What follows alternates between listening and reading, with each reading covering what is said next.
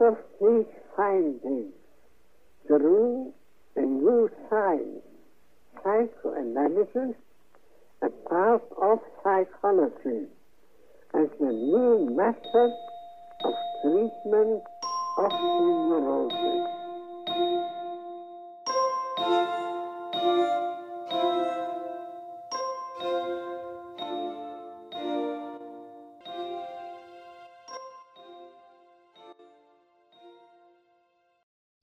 Herkese merhaba. 11 Ağustos tarihli psikanalize giriş konferansları atölyemize hoş geldiniz. Bu hafta bildiğiniz üzere 13 konf 13. konferans ile çalışmaya devam edeceğiz. Konferansın başlığı düşlerde arkaik özellikler ve çocuksuluk.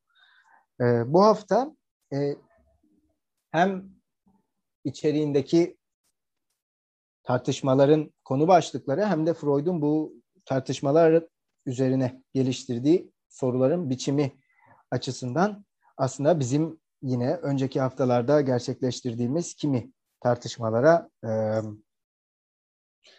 tartışmaları hatırlatabilecek, belki o tartışmaları bugün tekrar sırtlanabileceğimiz e, ihtimaller açabilecektir diye düşünüyorum.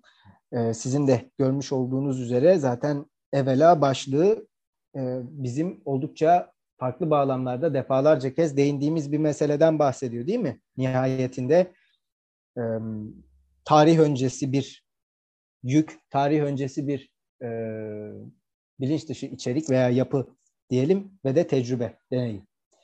Akabinde Freud'un regresyon atıfları geliyor ki bu ileride göreceğimiz üzere hem e, nevrozların etiyolojisine yönelik tartışmalarda bizim için önemli olacak.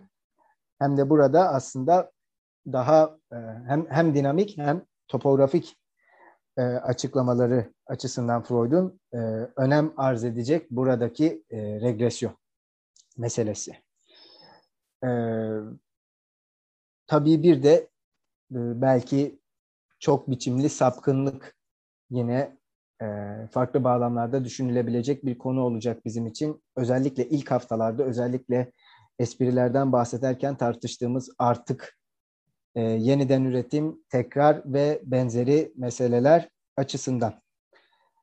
E, tabii bir diğer hususta Freud'un burada açık bir dille e, bu tarih öncesi materyal ile boğuşurken kullandığı kavram, filogenetik kavramı. Yani bir yandan aslında soy kütük kavramı Niçin önemli? Çünkü bugün biliyoruz ki benzer bu, yaklaşık olarak bu tarihlerde yazdığı e, ve sonradan bulunan e, külliyatına dahil edilmemiş olan makalelerinden birinde aktarım nevrozlarının neden bilimini tartıştığı makalesinde Freud insanlık tarihinin çağlarını çeşitli nevroz yapılarına indirgemeye en azından bu okumayı beraberce gerçekleştirmeye çalışırken yaptığı şey e, bir filo, filogenetik deneyimi ya da daha doğru bir ifadeyle bir filogenetik denemesi denilebilir. Hatta bugün Batuhanlara gönderdim.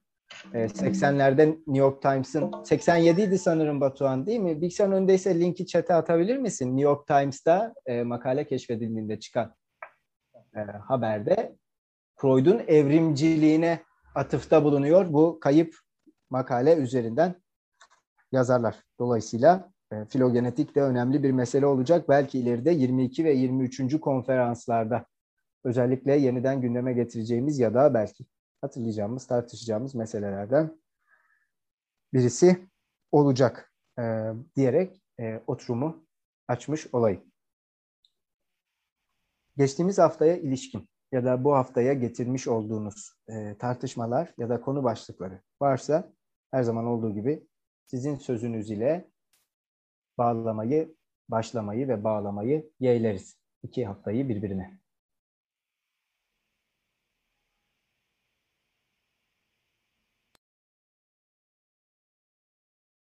Teşekkürler Batuhan. Şimdi gördüm 87'ymiş.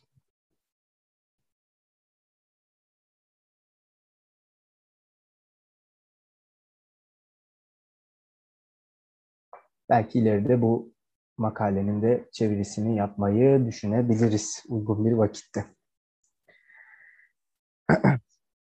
o halde e, müsaadeniz ile ben ilk paragrafı okuyarak bu haftaki oturumumuzu başlatıyorum.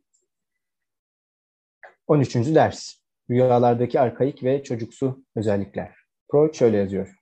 Bayanlar ve baylar, gelin bir kez daha rüya sansürünün etkisi altındaki rüya çalışmasının gizli rüya düşüncelerini farklı bir ifade moduna dönüştürdüğü sonucundan yola çıkalım. Gizli düşünceler, uyanık yaşamdaki bilinen bilinçli düşüncelerimizden farklı değildir.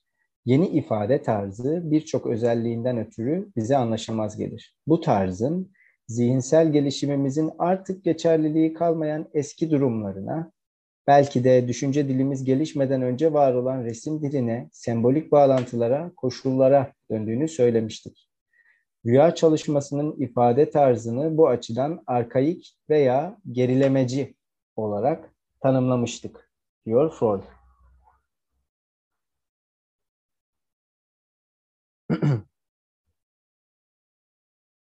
Oldukça önemli bir açılış bu. Bu konuda söylemek istediğiniz herhangi bir şey var mı acaba?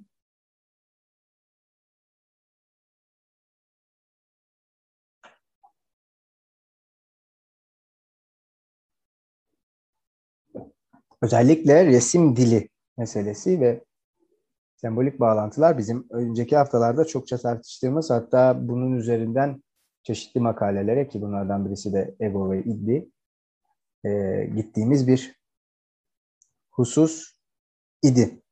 Burada tabii önemli olan mesele gerileme yani regresyon vurgusu. Ee, bu gerilemenin ne işe yaradığını ya da gerilemenin mantığını anlamak konusunda e, birazdan gündeme Freud'un kendisinin de getireceği üzere perde anılar çok önemli bir rol üstlenecek. Payel de bu arada paravan anılar diye çevrilmiş. Sanki daha iyi bir çeviri bana soracak olursanız. Perde anılara çok alıştık. Psikanalitik olmayan bağlamlarda da sanırım perde anılar deniyor bildiğim kadarıyla. Hani benzeri kavramları ama sanki paravan anı daha iyi bir ifade gibi geliyor bana ama perdenin de hani paravan anı daha çok meselenin sahteciliğine vurgu yaparken perde daha çok örtücülüğüne vurgu yapıyor da sanki mesele Freud'un örtmesiyle ilgili, sahteliğiyle ilgili değil. Çünkü hani Freud'un 1899 tarihli Perde Anılar makalesine bakacak olursanız orada işte bildiğiniz üzere Freud otobiyografik bir e, perde anı örneği getirir ve bizi muhatabına sorular soruyormuş gibi yaparak kandırır. Halbuki muhatap bilinir ki Freud'un kendisidir.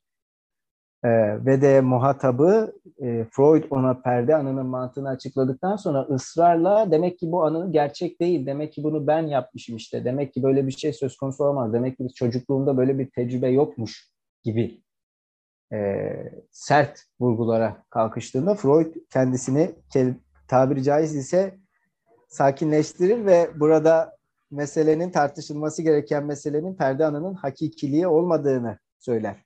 Ama tabii burada perde anının hakikiliğinin ne olduğuna belki o ilerleyen zamanlarda bakmamız gerekebilir. Çünkü perde anının hakikiliği aslında perde anının biçimlenişinden başka hiçbir şey değildir. Ne diyordu Freud bize? Rüyanın analizi, rüyanın biçiminin analizinden başka bir şey değildir. Diyerek müsaadenizle diğer paragraf ile devam etmiş olayım. Sen mi istiyorsun? Ha pekala. Ben birkaç şey ekleyebilirim.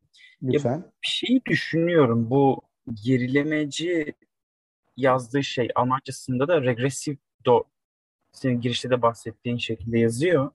Hı hı. Ee, bu düşünce dilinin gelişmeden önceki durumla doğrudan ilişkili herhalde ya da öyle mi bilmiyorum ama sanki daha önce bu meseleyi eğitimin yükünden arındırmak ya da eleştirel düşünceye karşı gibi ifadelerle gördüğümüzü düşünüyorum. Ya da ben espriler metniyle çok orada çok fazla geçer ama bu e, rüyalar için de geçerli olduğunu düşünüyorum. Bu denk Denksprache kelimesi yani anlayabildiğim kadarıyla bu düşünce dili kelimesinin soyut dille bir ilişkisi var.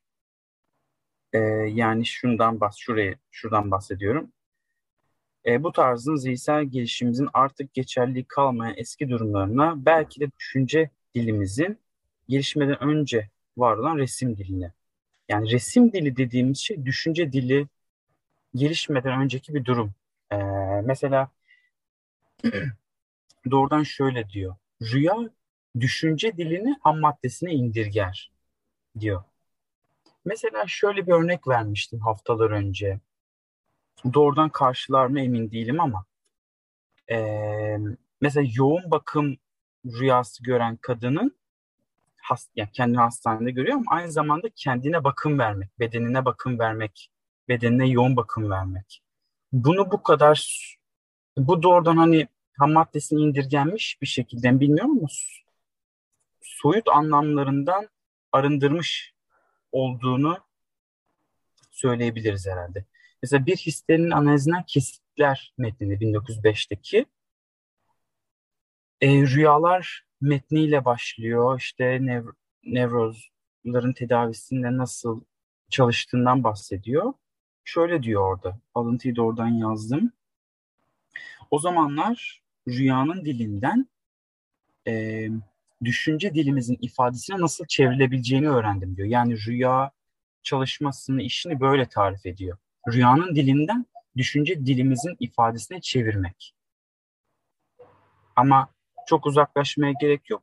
Bu bizim e, belki haftalar geçti ama e, sembol rüyalarda sembolizm kısmında da rüyanın sembolik dilini düşünce diline tercüme etmekten bahsediyor. Ya bu düşünce dilini tercüme etmeyi birazcık açıkçası e, çalıştım ne demeye çalıştığını Ezgi burada mı? Ezgi burada yok. Yani Ezgi burada olsa geçtiğimiz haftalarda tartıştığımız şeyi açmanın faydalı olduğunu düşünüyordum. Ben itiraz etmiştim. Yani bir rüya hani sesli olarak dile, söze dökülmeden de e, sansür ya da tekrar edemeyeceğim belki söylediğim ama Ezgi şunu demişti. Ezgi'nin söylediğini hatırlıyorum. Düşünceye geldiği an zaten e, rüyanın rüya görüldüğü şeklinden bir şeyler eks, eksilir demişti. Hmm. Yani doğru tarif ediyorsam. Dolayısıyla bu düşünce diline tercüme e, çünkü kelimenin kendisi de düşünce kelimesinden geliyor. Düşünce dili. Almancası önemli olduğunu düşünüyorum.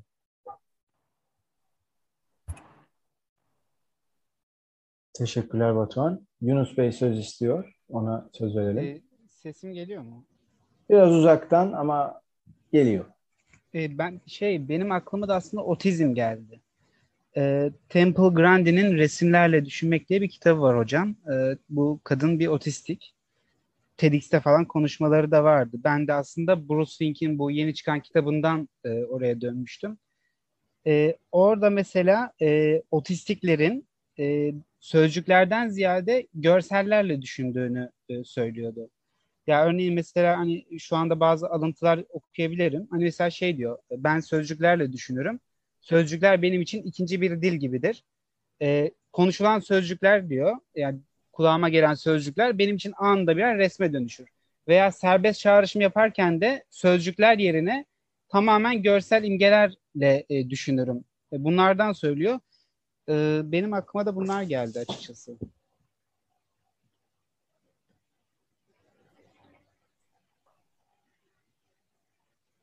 Hmm.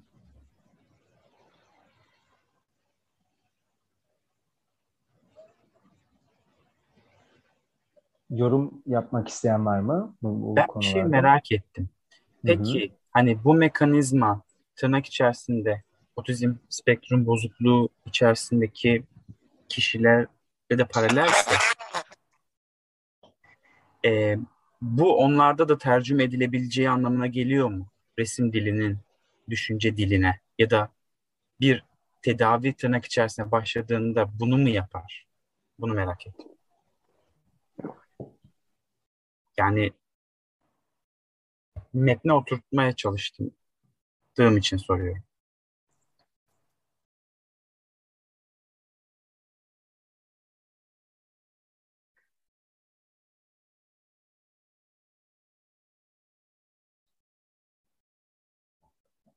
Bu konuda Hocam, yorum yapmak ha, Buyurun. Ee, yine ya benim bir otistik arkadaşım var. Hani onunla konuşuyoruz. En sonunda bu rüyalar konusunu konuşmuştuk. Ona rüyalarını sormuştum.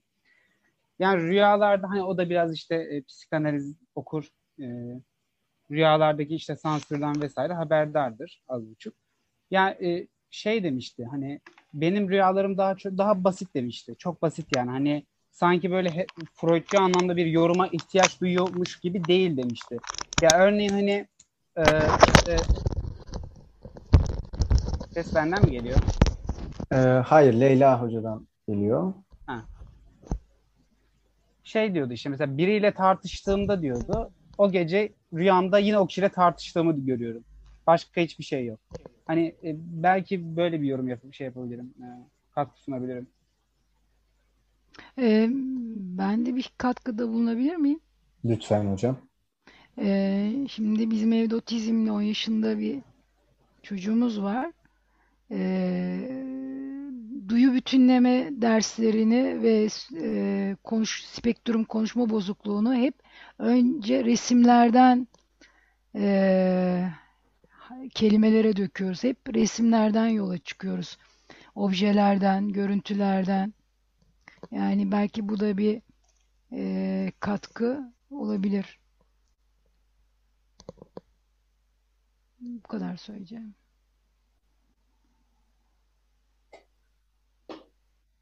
Başka yorum yapmak isteyen var mı? Ben bir şey söyleyebilirim aslında.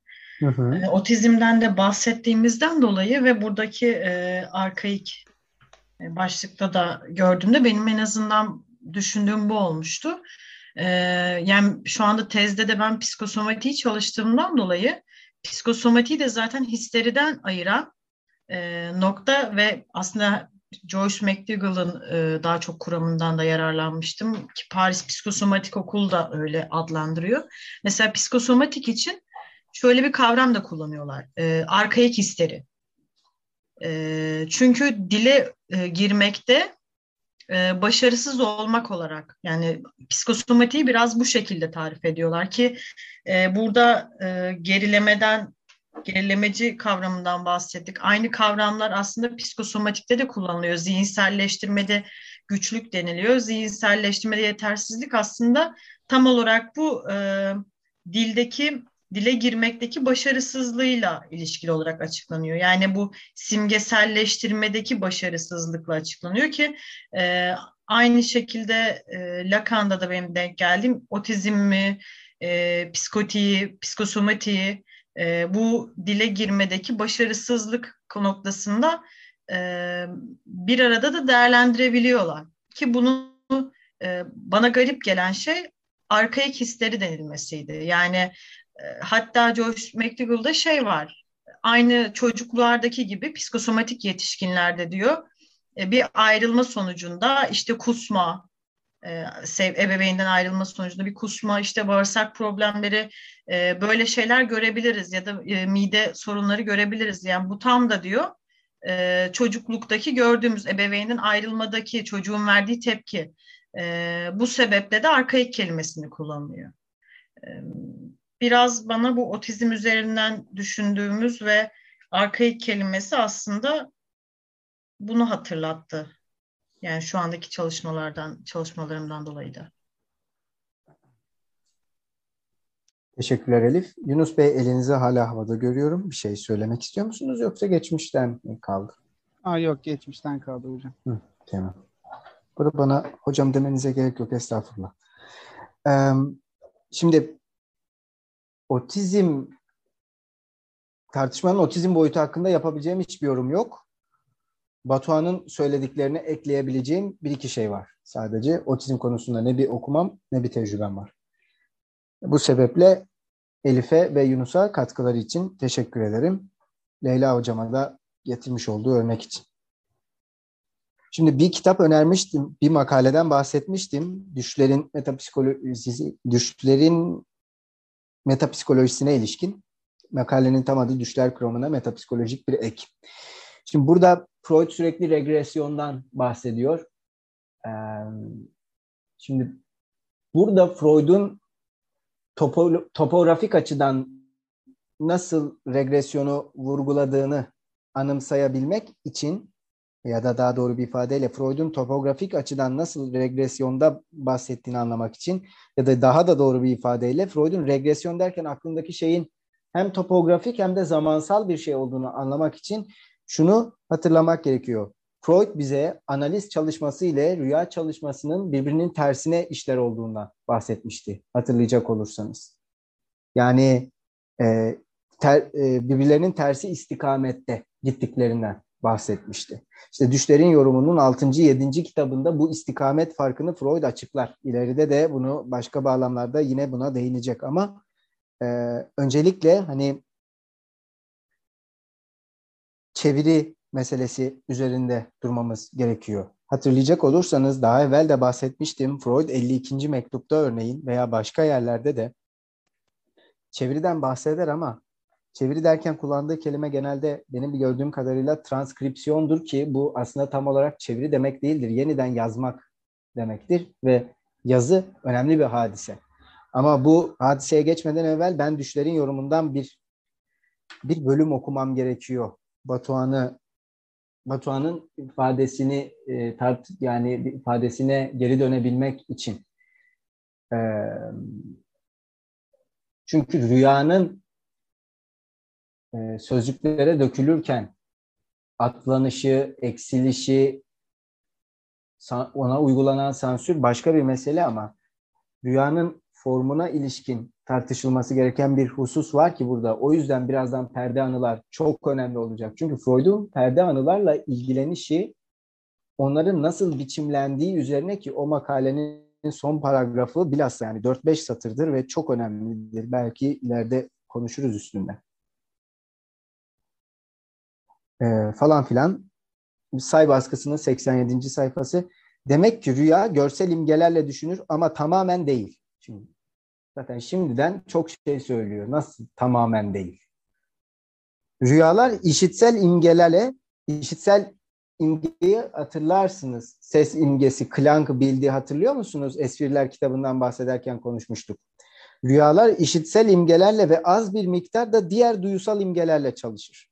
Rüyada çoğu şey uyanıklıktaki gibi düşünülür parantez içerisinde ve bu düşünce herhalde sözcük kalıntıları tarafından temsil edilmektedir. Rüya için karakteristik olan bir başka şey de içeriğinin tıpkı uyanıklıktaki gibi imgelere yani hatıralardan çok algılara benzemesidir. Bu da çok önemli bir mesele. Hatıradan çok algıya benzemesi meselesi. Halüsinasyonun özüne dair bir psikiyatrın çok iyi bildiği tartışmaları bir kenara bırakırsak bu konudaki uzmanlarla hep bir ağızdan rüyanın halüsinasyon gördüğünü, düşüncelerin yerine halüsinasyonları koyduğunu söyleyebiliriz diyor Freud. Analizde inşalara bakın, perde anılara bakın. Perde anılarda über şarf diyecek yanlış hatırlamıyorsam. Aşırı keskin, aşırı aşırı açık e, analizde inşalarda über deutlich diyecek. Yine aşırı açık. İkisinde de perde anıdan bahsediyor. Aş, açıklık, keskinlik, berraklık.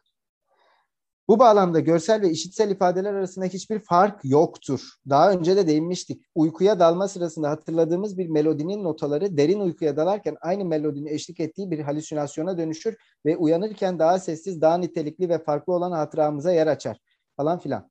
Şimdi burada görsel ve işitsel imgelerin biçimlerinden ve onların rüyayı nasıl kurduğundan bahsediyor Freud ve meselenin sadece imajda olmadığını söylüyor aslında. Yani bu imajın taşıdığı, yani bu imajı aslında Freud ele alırken bir ses imgesi olarak ele alıyorsa burada dikkate değer birden fazla yer var demektir. Bu en nihayetinde her şey bir kenara bırakılsın şu soruyu sormanız gerekir. Bilinç dışı bu imgelerin çöplüğü müdür?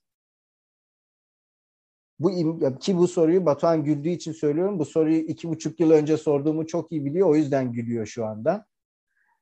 Yani çünkü bu imgelerin çöplüğü olmadığını kanıtlayabilmeniz için sizin burada Freud'un bahsettiği o ilişkinin ne olduğunu tartışmanız gerekiyor. perde anılardaki pasaja şimdi değinmek istemediğim için şimdilik bir kenara bırakıyorum. Benim söylemek istediğim transkripsiyon için sözler şimdilik e, bu kadar. E, bu konuda başka yorum yapmak isteyen var mı?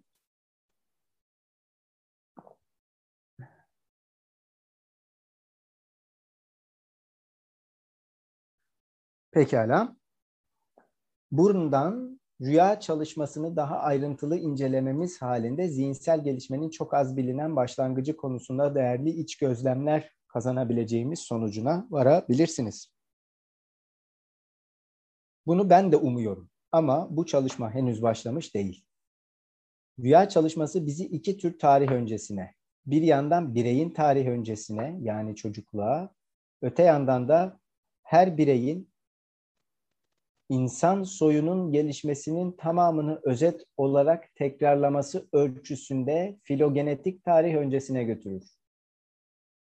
Sonraki zihinsel süreçlerin hangi bölümünün bireysel tarih öncesi dönemden, hangi bölümünün filogenetik tarih öncesi dönemden geldiğini belirleyebilir miyiz? Bunu yapabileceğimize inanıyorum. Örneğin bireyin öğrenme yoluyla kazanmadığı sembolik bağlantıların filogenetik bir miras olduğunu rahatlıkla iddia edebiliriz demiş Freud bize.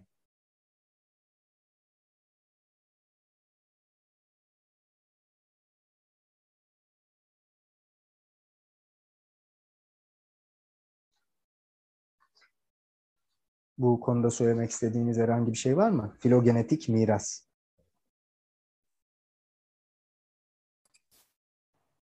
Ben bir şey ekleyebilirim. Şimdi hep böyle bir söz hatırlıyorum kulağımda. İşte ontogenez filogenezi takip eder gibi gibi. Ee, bunların iç içeliğine dair. Ama şimdi bugün yani şimdi okuyacağım alıntı şeyden. Bir dakika bakıyorum. Psikanalizin ana hatları metninden.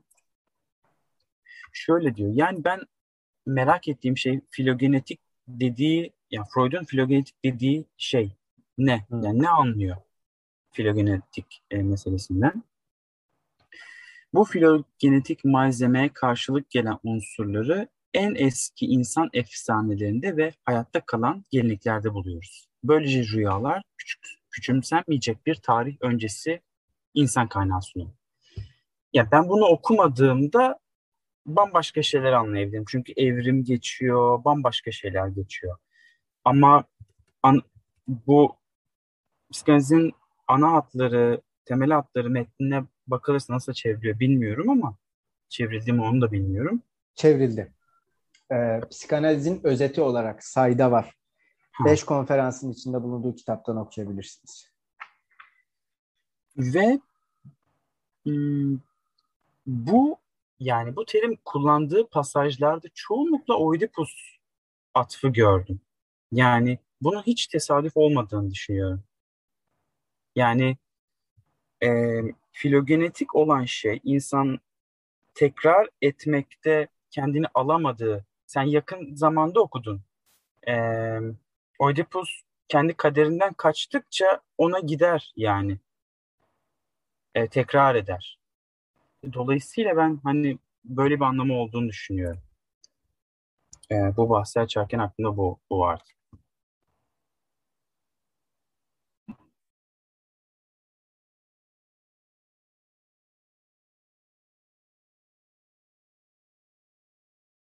Teşekkürler Batuhan. Bu çok önemli bir mesele. Bana soracak şeyler Lütfen, lütfen, lütfen.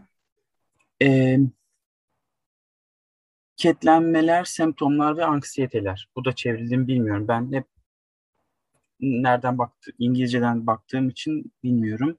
Şöyle bir cümle vardı. Erkek çocuğun babayı rakip görmesi, saldırgan eğilimleri ve cezalandırılma korkusu nokta nokta buraya geçiyorum. Bunlar filogenetik olarak pekiştirildiğinde diyor Freud, adım edilme korkusu olarak ifade edilebilir.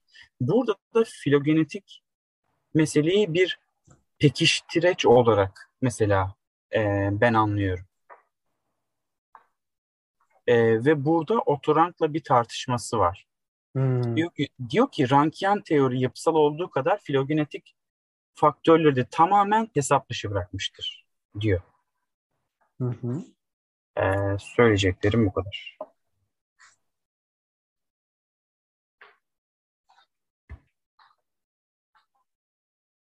Batuhan peki streç ile ilgili kısmı bir daha okur musun?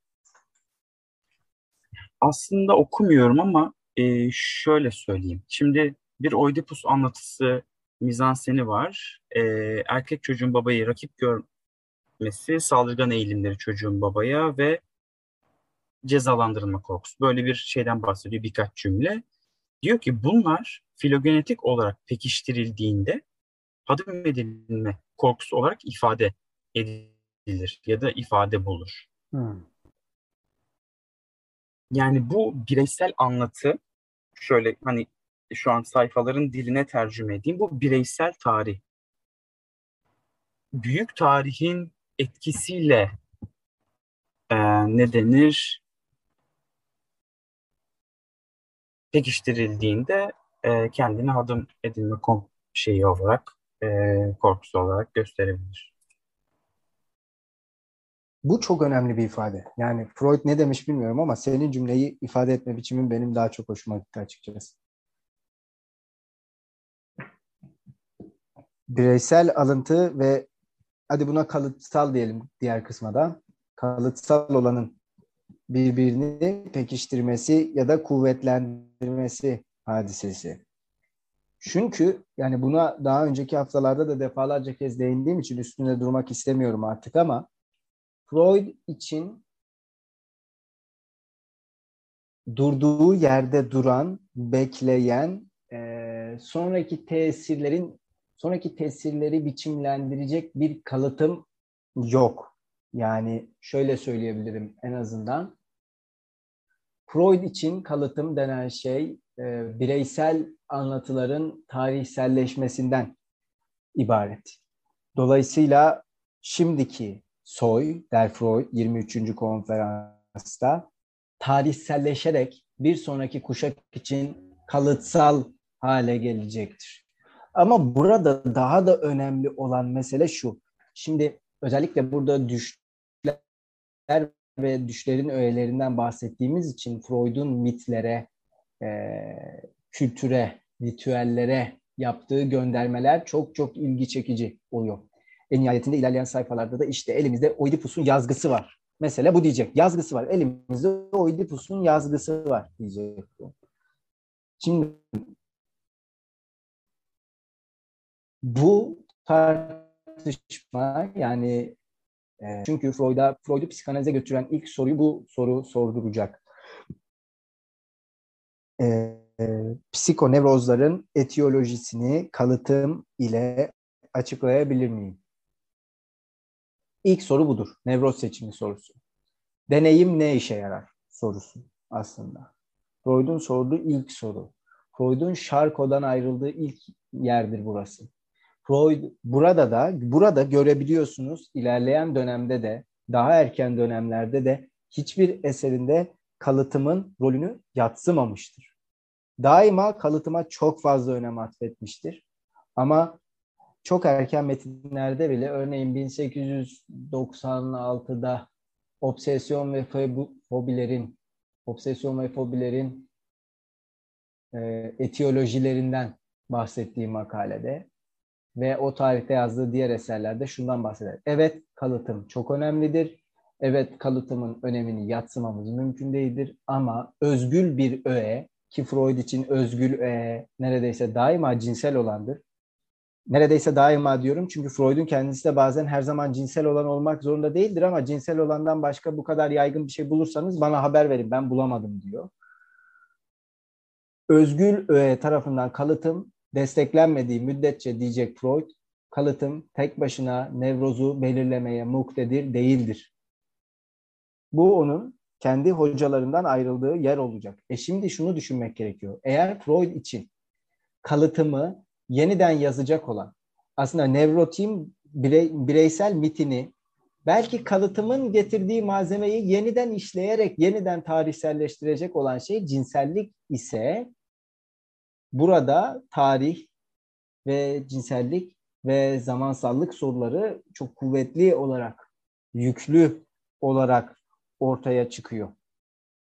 Dolayısıyla Batuhan'ın getirdiği tartışmanın çok çok önemli olduğuna inanıyorum ben de şimdilik daha fazla uzatmadan.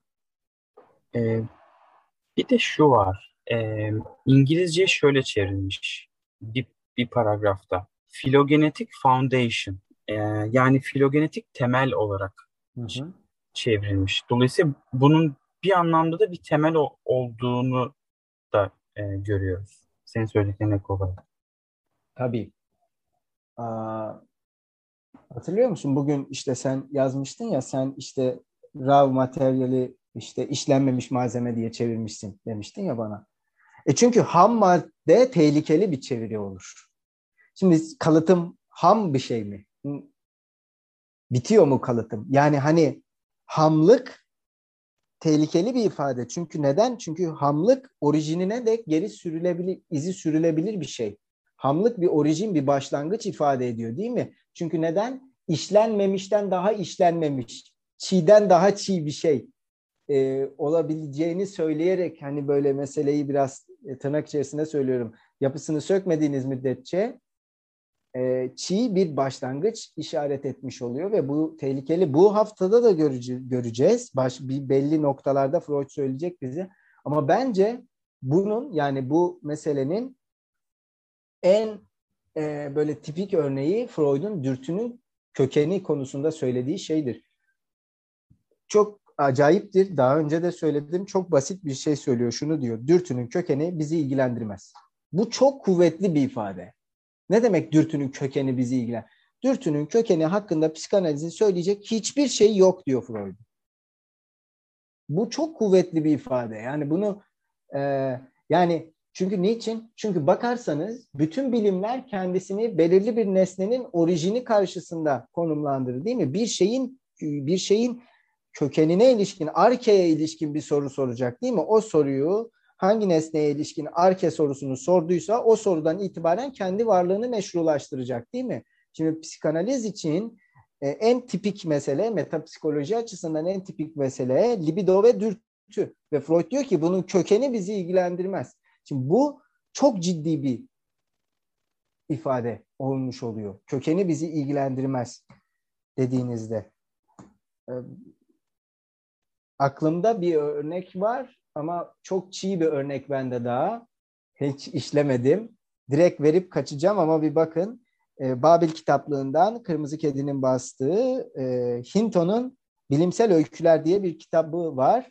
Ve de bilimsel öykülerde son öykü, Pers Kralı'nın bir öyküsü var. Pers Kralı e, Demiurgos'un kendisi için var ettiği tebaanın e, hareket imkanını mümkün kılabilmek için onların eylemlerinden belirli bir parça acıyı taşıyor. Yani siz eylemde bulunabilmek için kralın acı çekmesi gerekiyor. Yoksa eylemde bulunmuyorsunuz. Zevk almalısınız. Ve kral bunun ekonomisini geliştiriyor. Ne kadar az acı çekebilirim ve yine de hareket etmeye devam edebilirler. Kimseyle iletişime geçemiyor. Sadece belirli bir ıstırap çekiyor. Yalnızlıktan yakınıyor ve öykü tam da onun bir köken, her şeyin başlatıcısı olarak ifşa edileceği yerde bitiyor. Ve makalenin, makale diyorum çünkü makale gibi yazılmış, ikinci kısmında bize gösterdiği şey Hinton'ın çok acayip bir şey. Enerjinin korunumu kanunu ve her hareketin ısıya dönüşerek enerjinin bir kısmının ısı olması hadisesi. Neden bundan bahsediyorum? Saçma sapan diyebilirsiniz. Çünkü az önce etiyolojide cinsel olan faktörden bahsettim ve cinsel olandan bahsetmek için psişenin ekonomisinden ve artıktan bahsetmeniz gerekir. Artık bir şey üretilmesi gerekir. Bir kayıp ve aynı zamanda bir artık olması gerekir. İşaret edilemeyen bir artık. Isı işaret edilebilen bir artık değildir. Niçin? Çünkü yeniden enerjiye dönüştüremezsiniz. Diyor Hinton. Neyse çok saçmalayıp dallayalım budaklandırmayayım ama ya bu çok çok önemli bir mesele. Yani bu hafta çok önemli bir hafta ilerisi için bu tartışma açısından. Eklemek istediğiniz başka bir şey var mı?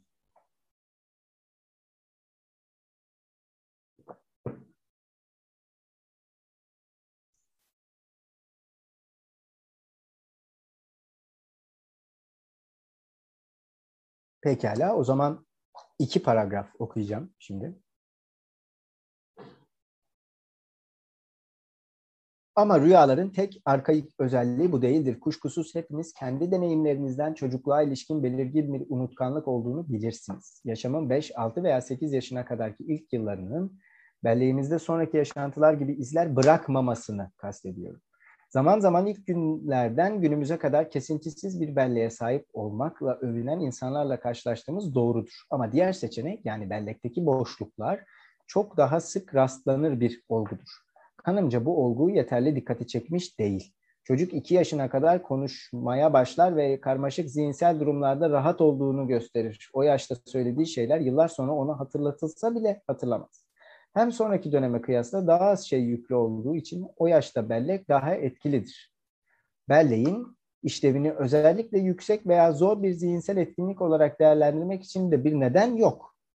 Tersine çok düşük zihinsel kapasiteye sahip insanlarda bile iyi bir bellek bulabiliriz. Burada bir dipnot var ki Elif'in bugün gruba gönderdiği sayfalara işaret ediyor Freud.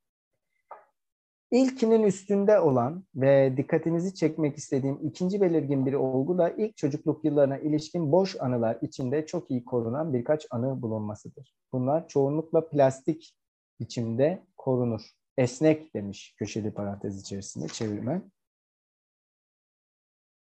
Bu köşeli parantez içerisindeki çeviri Payel'de yok. Bu da bugüne kadar korunmalarını açıklayamaz. Belleğimiz sonraki yaşamımızda bizi etkileyen izlenimleri aralarından seçme yapmak sureti ile işler.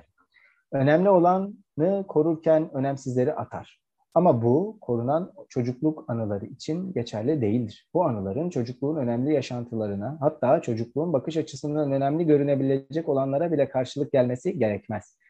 Bunlar birçok durumda öylesine sıradan ve önemsizdir ki şaşkınlıkla bu ayrıntıların neden günümüze kadar geldiğini sorarız kendimize.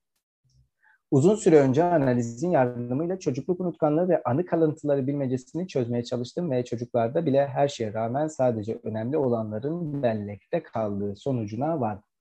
Ama bildiğimiz yoğunlaşma özellikle de yer değiştirme süreçleri yoluyla bellekte önemli olan şeylerin yerini önemsiz gözüken şeyler alır. Bu nedenle bu çocukluk anılarını perde anı olarak adlandırdım. Bu anıların tam bir analiziyle unutulan her şey ortaya çıkarılabilir demiş Freud. Burada editör bize günlük yaşam psikopatolojisinde perde anılara gönderen bölümü hatırlatmış. Neden doğrudan perde anılar makalesini hatırlatmamış ona da şaşırdım açıkçası. Bu iki paragrafa ilişkin söylemek istediğiniz bir şey var mı acaba?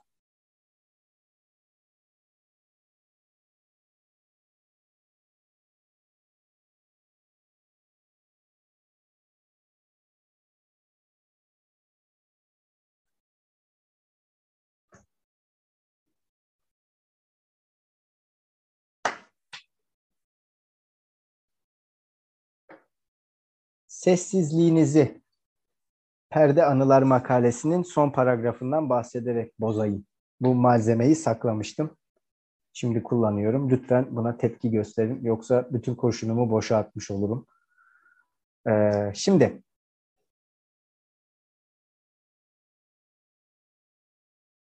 Şimdi Freud diyor ki işte bu gerçeğin, işte bu gerçeğin ne olduğuna bakmak için Perde Anılar makalesini okumak lazım da anının gerçekliği yani Perde Anı'nın hakikiliğiyle ilgili bir gerçek diyor. Bu gerçeğin Perde Anılar ve çocukluğumuzdaki diğer hatıralar arasındaki fark arasında yani diğer, perde anılar ve diğer çocukluk anıları arasındaki farka ilişkin olarak yaptığımız ayrımı artık bu işlemez hale getiriyor. Bu gerçeği kabul edersek böyle bir ayrım artık bulunmuyor diyor Freud. Ve hatta diyor ki diyor hatta diyor Freud şu bile sorulabilir. Çocukluktan hangi herhangi bir anımız var mı ki gerçekten de? Çocukluğa dair anılar sahip olduğumuz tek şey olabilir. Bakın çocukluk çocukluktan gelen hatıramız hakikaten var mı? Çocukluğa dair anılarımız sahip olduğumuz tek şey olabilir diyor. Size 52. mektubu hatırlatıyorum. Freud'un hafızanın tekrar tekrar nasıl kurulduğunu inşa ettiği o mektup. Çocukluğa dair anılarımız, çocuklukla ilişkili anılarımız, e, çocukluk hatıralarımız gösterir ki e, onlar daha yol, sonraki dönemlerde nasıl ortaya çıkmışsa, nasıl düzenlenmişse öyledirler.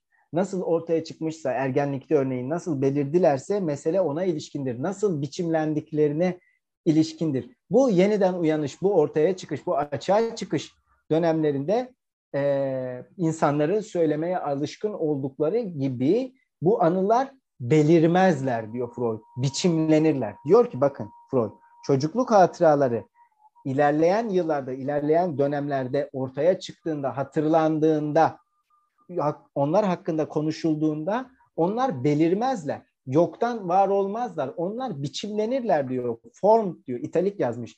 Emerge etmezler diyor. Formlanır, formlanırlar, biçim alırlar diyor.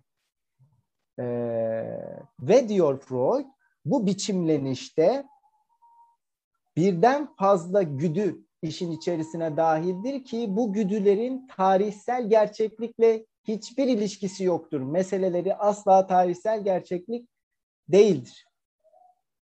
Şimdi bu çok önemli bir paragraf. Belki bize bir şeyler hatırlatabilir. Ee, sizin de isterse bu arada 21 ve 23. E, derslere gönderiyor editör bu paragraftan sonra. Ben şimdi bunu chatten de e, gönderiyorum size. E, belki ilginizi çekebilir diyerek. Hani bu kısmı. Şimdi burada şu çok önemli. Ee,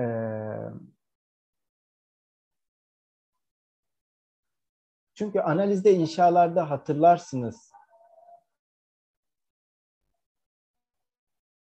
Delilikte delilikte biçim ve tarihsellik arasında bir ayrıma gidiyordu Freud ve analizde inşalar başından sonuna kadar perde anılar ile ilişkili bir metindir.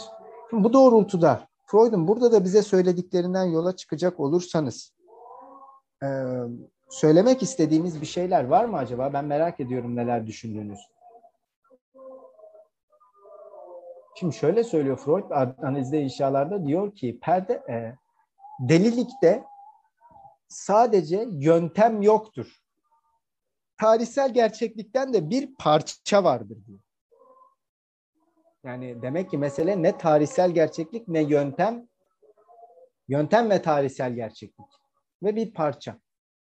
Burada da böyle yazıyor. Merak ediyorum neler düşündüğünüzü bu konu hakkında. Şimdi eğer sonradan gelen güdüler çocukluk çocukluğun tarihini yeniden yazıyorlar ise şunu sormak gerekiyor hakikaten de. Şimdi ham maddeden bahsedebilir miyiz, bahsedemez miyiz?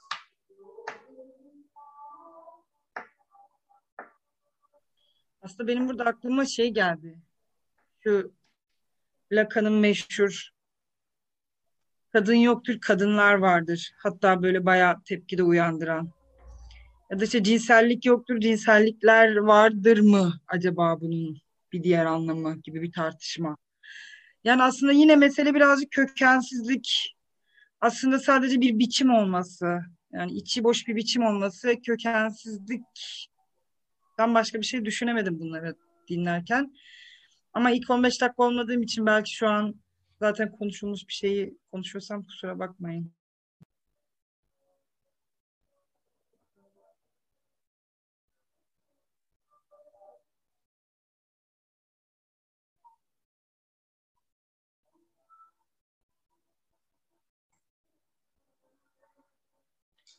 şeyi ekleyeyim. Mesela yöntem yoktur. Burada ben şey gibi okuyorum. Yöntem yoktur ama aslında sonsuz yöntem vardır gibi de okuyorum bir taraftan. Yani olmayan bir şeyin aynı zamanda sonsuz seçeneklerin oluşu. Yani o hiçlikle mutlaklık arasındaki gene şey gibi geliyor bana, tartışma gibi geliyor. İşte kökensizlik ama aynı zamanda hani onun tıka basa dolu olması da ya da tıka basa doldurulabilir olması da diyeyim. Yani pek çok imkanı açık olması anlamına da geliyor. O anlamda bir yokluk gibi düşünüyorum aslında.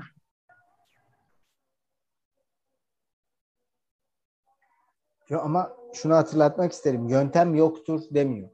Sadece yöntem yoktur diyor. İkisi birbirinden farklı şeyler.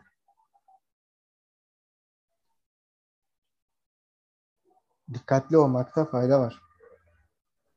Ben de bir şey ekleyebilir miyim acaba? Lütfen İlker abi.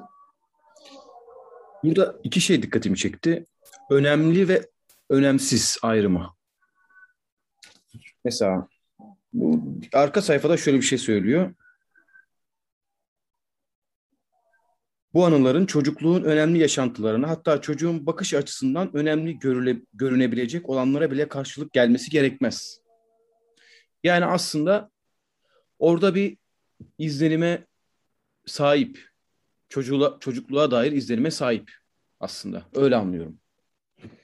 Ama burada dikkat dikkati çeken şey ne? Önemsiz gibi görünüyor. Arka sayfaya geçiyorum. Uzun süre önce analizin bir daha okuyacağım kusura bakmayın. Uzun süre önce analizin yardımıyla çocukluk unutkanlığı ve anı kalıntıları bilmecesini çözmeye çalıştım ve çocuklarda bile her şeye rağmen sadece önemli olanların bellekte kaldığı sonucuna vardım. Bu sefer de önemli diyor burada. Mesela şöyle bir ayrıma gidiyoruz burada. Ama bu önemli ne diye şimdi düşünmeye başlıyor arkasından. Ama bildiğimiz yoğunlaşma özellikle de yer değiştirme süreçleri yoluyla bellekte önemli olan şeylerin yerine önemsiz gözüken şeyler alır. O zaman ilk başta bize önemsiz görünüyor. Ama arkasında önemli bir e, anı var bellekte. Yani aslında bunun temelsiz olmaktan daha çok temeli gizleyen bir önemsizlikle ambalajlanmış bir durum kendisini ifade ediyor. Böyle anladım ben kendi açımdan. Perde anında görevi bu zaten anladığım kadar. Önemsiz görünmek, arkadaki önemliyi önemsiz göstermek gibi. Yani bir çıkarım sadece.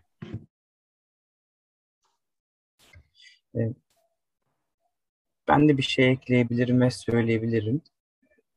Şimdi birkaç şeyi toparlayamazsam kusura bakmayın. Şimdi geçtiğimiz sayfada şey vardı. Ee, şunun önemli olduğunu düşünüyorum. Zihinsel gelişmemizin çok az bilinen başlangıcı. Hani çok az bilinen birazcık perdeliyor ifadeyi ama zihinsel gelişmemizin başlangıcı ifadesi çok önemli. Ee, bugün İskender Hoca'nın Oedipus seminerini dinledim. Orada yani bu Freud'un metinlerinden sonra çocuğun ruhsal doğumunu babasının yaptığını söylüyordu. Bu tırnak içerisinde konuşuyorum şu an. Ve e, seminerin en sonlarında çok şaşırtıcı bir şekilde çocukluk hafızasına dair birisi ya soru soruyor ya da o anlatıyor. Orayı kaçırdım. Şöyle diyor. Anneyle paylaşılan büyülü ana dair 02 yaşa dair anıların açıkta olması, ulaşılabilir olması bastırma ile alakalı bir mesele diyor. Anılar güçlüyse babanın rolü soru işareti. Yani bu çalışılabilir. E, çünkü o ikili ilişki kendi çözülme dinamiklerini barındırmaz diyor. E, buradan şuraya geleceğim. Unutmaya geleceğim. E, Şahin gene sen okuduğun için söyleyeceğim. E, Sphinx soru soruyor değil mi? Cevabı insanın olan. İşte dört ayaklı üç filan iki. Ve ondan sonra Oedipus neden oraya geldiğini unutuyor. Babasını öldürdükten sonra yanılmıyorsa. Dolayısıyla ben oradaki unutmayla e, bu unutmanın ilişkili olduğunu düşünüyorum. Ve hala bir Freud'un e, bu bireysel ve geniş filogenetik hikaye içerisinde düşündüğünü düşünüyorum. Bunları söyleyebilirim. Yani çocukluk anılarını unutmak da hatırlayamamak da bence e, Oedipus'la alakalı olabilir.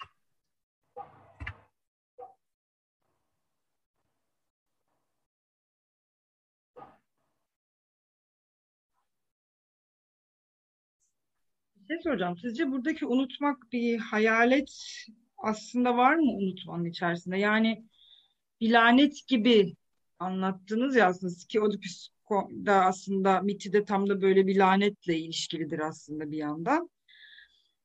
Hani aslında unuttuğumuz şeyin bize musallat olduğundan bahsedebilir miyiz? Yani bu konudaki fikrinizi merak ettim aslında.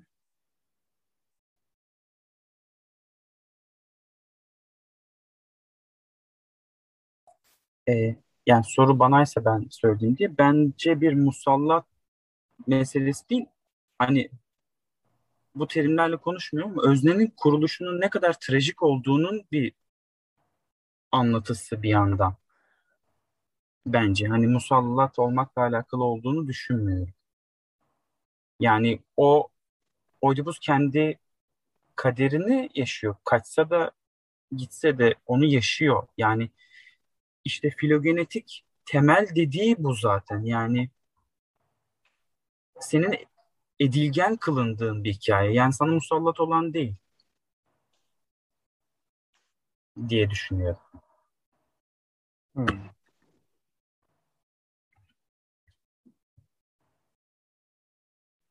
Ya ben kendi sorduğum sorudan başka bir yere gideceğim de şimdi burada. Yani biraz şey var ya e, aslında trajik olan da hem bence insanın suçuna dair bir taraf da vardır. E, aynı zamanda da edilgen olduğu bir taraf vardır. Mesela epik eserlerde tamamen edilgen olduğu bir şey vardır. İşte bütün bir İlyada da her şeyin sorumlusu tanrılardır. Aslında tanrıların savaşıdır o. Ama mesela e, tragedyalarda bu iş biraz değişir. Evet bir lanet vardır, bir yaz, kaçınılmaz yazgı vardır. E, ama aynı zamanda burada kişilerin suçluluğundan da bahsedebiliriz. Bunları işte kendi ifadelerinde de söylerler.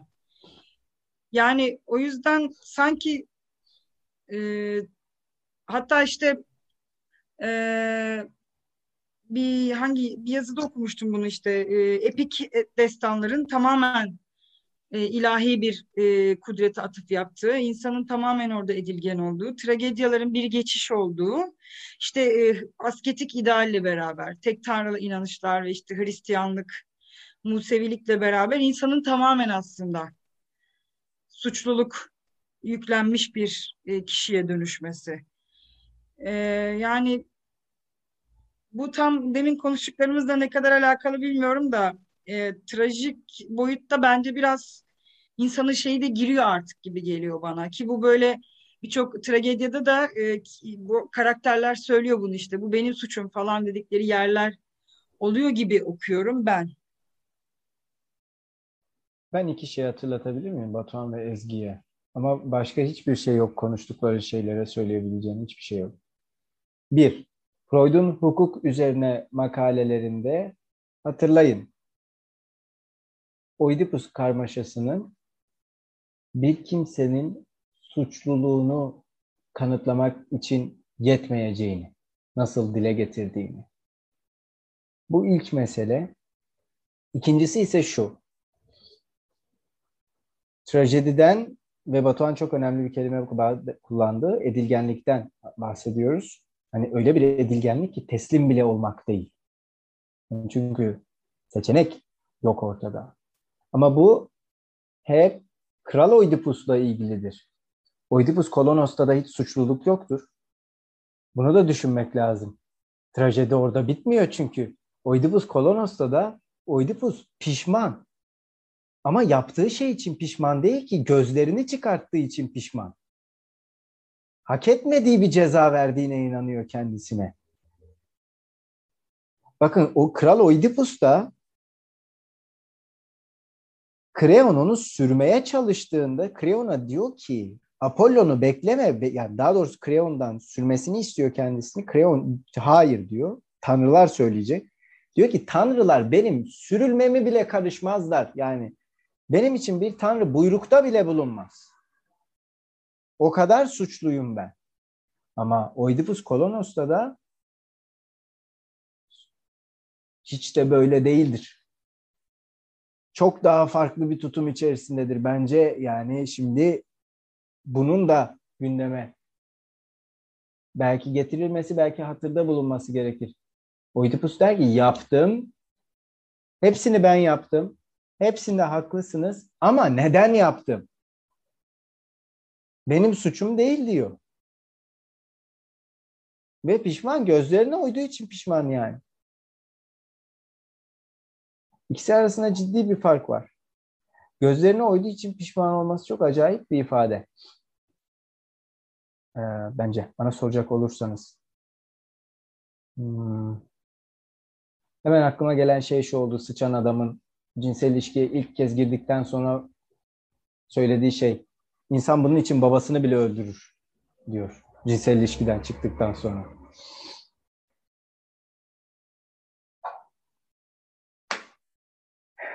Neyse. Bu çok önemli bir konu. Bence bana soracak olursanız sorumluluk gibi bir meseleyi tartıştınız. Yani ki sorumluluk ve irade gibi bir mesele de aslında tam olarak kalıtımın gündeme geldiği bir yerde e, öznenin sınırları ve sorumluluğu ve başkasına karşı pozisyonu açısından çok çok önemli meseleler ama müsaadenizle devam edelim. Çünkü bu tartışmanın sınırları şimdilik kontrol edemeyeceğimiz şekilde büyürse önünü alamayabiliriz. Çünkü tartışma çok büyüyor.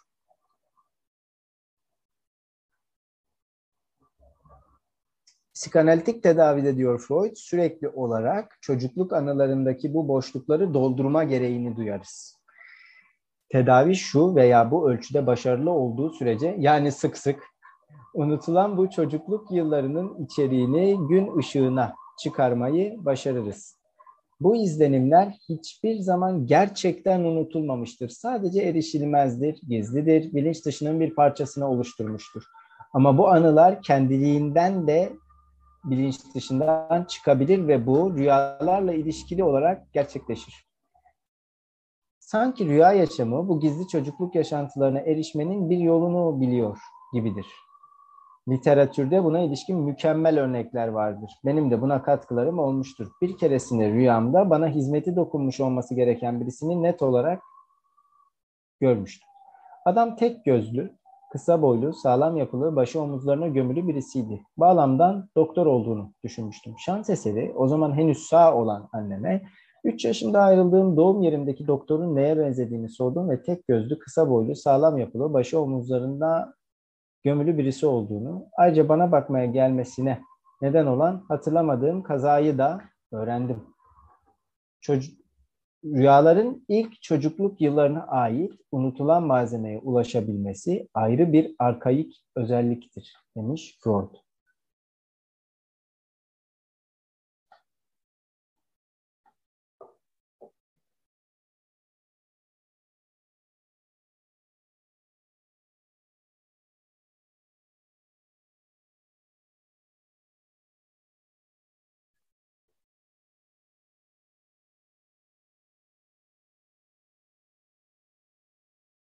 Devam ediyorum.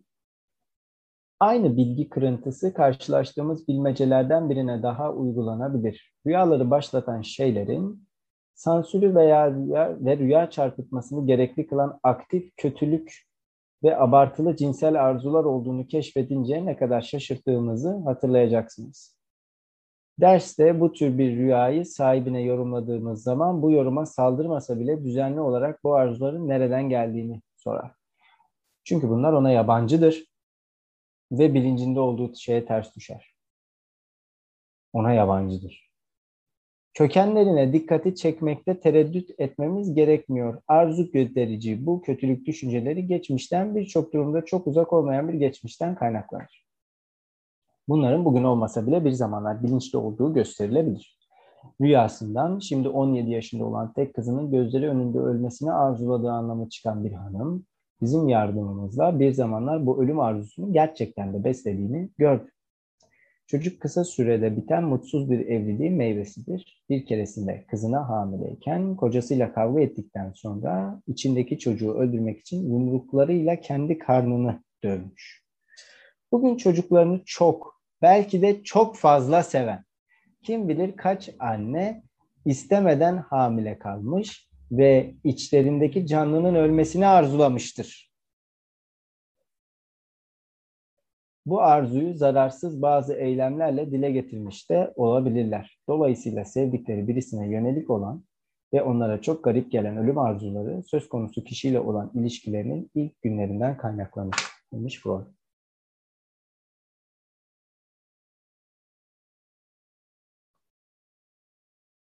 Bu kısma dair söylemek istediğiniz herhangi bir şey var mı?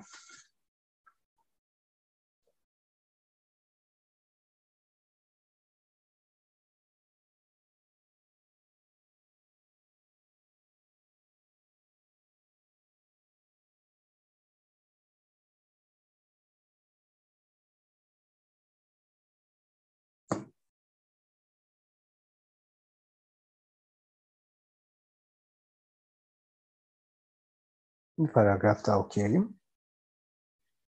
Aynı şekilde bir baba, gözdesi olan en büyük çocuğunun ölmesini arzuladığı yorumunu haklı çıkaran bir rüya görmüştü. Onun da bu arzunun bir zamanlar ona tuhaf gelmediği bir dönem olduğunu hatırlaması sağlandı. Çocuk henüz kucaktayken eş seçiminden memnun olmayan baba sık sık kendisi için bir anlam ifade etmeyen bu küçük yaratığın ölmesi halinde tekrar özgür olacağını ve özgürlüğün tadını daha iyi çıkaracağını düşünür. Aynı köken çok sayıda benzer nefret dürtülerini de gösterilebilir. Bunlar bilinçli oldukları ve ruhsal yaşamda belli bir oyunu oynadıkları geçmişe ait bir şeyin anılarıdır. Bundan ilişkinin başlangıçtan aynı olduğu, ilişkide bu tür dönüşmelerin yaşanmadığı durumlarda bu, bu tür arzuların ve rüyaların ortaya çıkmaması gerektiği sonucunu çıkarmaya yatkın olacaksınız. Bunu kabul etmeye hazırım ama dikkate almanız gereken şeyin rüyanın sözel içeriği değil, yorumundan sonraki anlamı olduğunu bir kez daha hatırlatmak isterim. Bu ilginç. Sevilen birisinin ölümüne ilişkin açık bir rüya sadece ürkütücü bir maskeye bürünmüş olan çok farklı bir anlama gelebilir ya da sevilen kişiyi başka birisinin yerine yanıltıcı bir ikame olarak konmuş olabilir demiş Freud.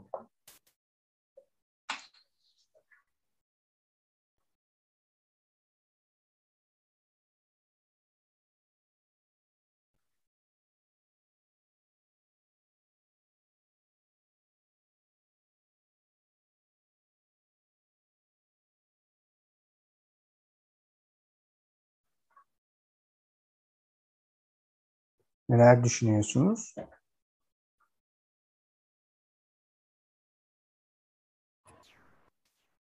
Ee, benim aklımda şöyle bir soru belirdi. Yani az önceki paragrafta yorumdan sonraki o yabancılık ve hani bilincinde olduğu şey ters düşmesiyle aynı şeyden mi bahsediyor? Yani yorumdan sonraki anlam ne demek? Ee, duygudan mı bahsediyor? Duygusal tepki mi? Ama anlam dediği için oraya uzak olabileceğini de düşündüm. Yorumdan sonraki anlam ne oluyor onu düşündüm açıkçası.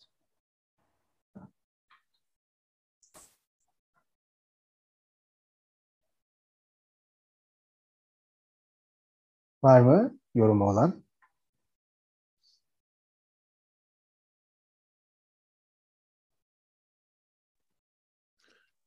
Ya orada ben şöyle düşündüm.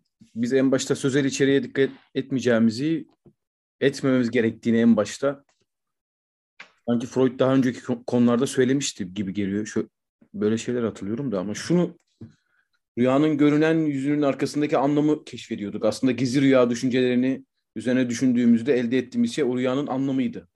O anlam bağlamından tekrar buraya baktığımız zaman çözülecek gibi düşündüm gizli rüya düşüncelerinden sonra. Çünkü direkt görünen içerik üzerinden baktığımız zaman açık rüya düşünceleri bizim için yanıltıcı olacaktır. Ki bunun içinde sözellik de vardı, imgelerin, sembollerin kullanımı da vardı. Birçok şeyin bir aradalığı vardı.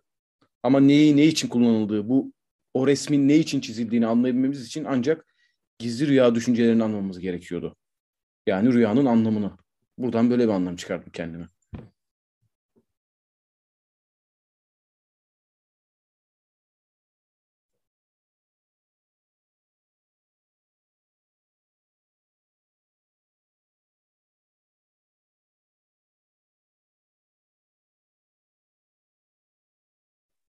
Başka yorum olan var mı? Bugün hiç sesini duymadığımız birisi örneğin. Burada ben Batuhan'ın sorduğu soruya bir sonraki paragraf bir noktada açıklık getirdiğini düşünüyorum ve bu konuyu burada tartışmama kararı alıyor Freud. Hı hı. Ee, belki o paragrafı da birleştirerek okumak gerekir Batuhan'ın sorusunu ve sonraki zamanlarda buna bir fırsat da doğabilir bizde. Kitabın ilerleyen süre okumadım ama e, oraya bir gönderme varmış gibi geldi bana.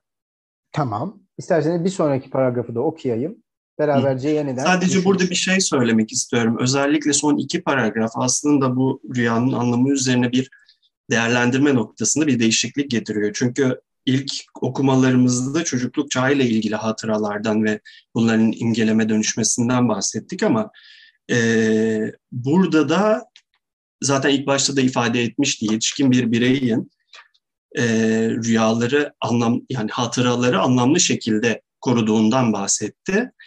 E, ve çocuklukta böyle bir durum olmadığını hatta hatırlanan şeylerin konuyu hiç önemsiz şeyler olduğundan da bahsetti.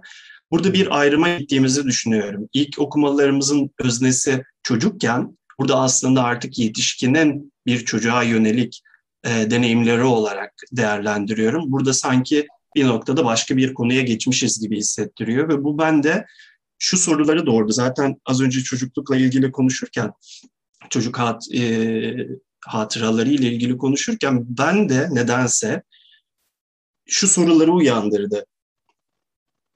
Sanki önceki ilk erken dönemlerde imgelemede bir zorluk var ve bundaki becerisi, beceriksizlik söz konusuymuş gibi geliyor. Ee, ve bu ilerledikçe de artık hatıraları daha başarılı hale getirebiliyor ya da belli bir e, konsept içerisine koyup daha kolay hatırlayabiliyormuş gibi. Yani hafızaya alınma noktasında zorluk varmış da ama yaşadığımız için bir noktada farklı formlarda halen devamlılığını sürdürüyor. Ama biz bunları hatırlayamıyormuşuz gibi e, düşündürdü. Ve aynı zamanda her hadranın ne kadar önemsiz olsa da anlamlı olduğuna dair ikinci bir yorumu vardı orada İlker Bey'in de söylediği gibi. E, o da bana şeyi hissettirdi. O bir noktada bir ya bir geçiş dönemi ya da önemli olan başka bir şeyle bir noktada ilişkilendirilerek önümüze geliyor ve bu ilişki var olduğu için biz üzerinde çalıştığımızda o önemsiz görünenlerin de aslında bir noktada önemli olduğunu çıkarabiliyoruz diyor. Hatta büyük bir başarıyla. Ee, yani bilmiyorum böyle bunları düşündüm ben ikisini birleştirdiğimde. Çok değerli toplu olmayabilir kusura bakmayınız. Teşekkürler. Bence çok iyiydi. Yani isterseniz ben hemen bir paragraf daha okuyayım. Sonra hep beraber düşünelim.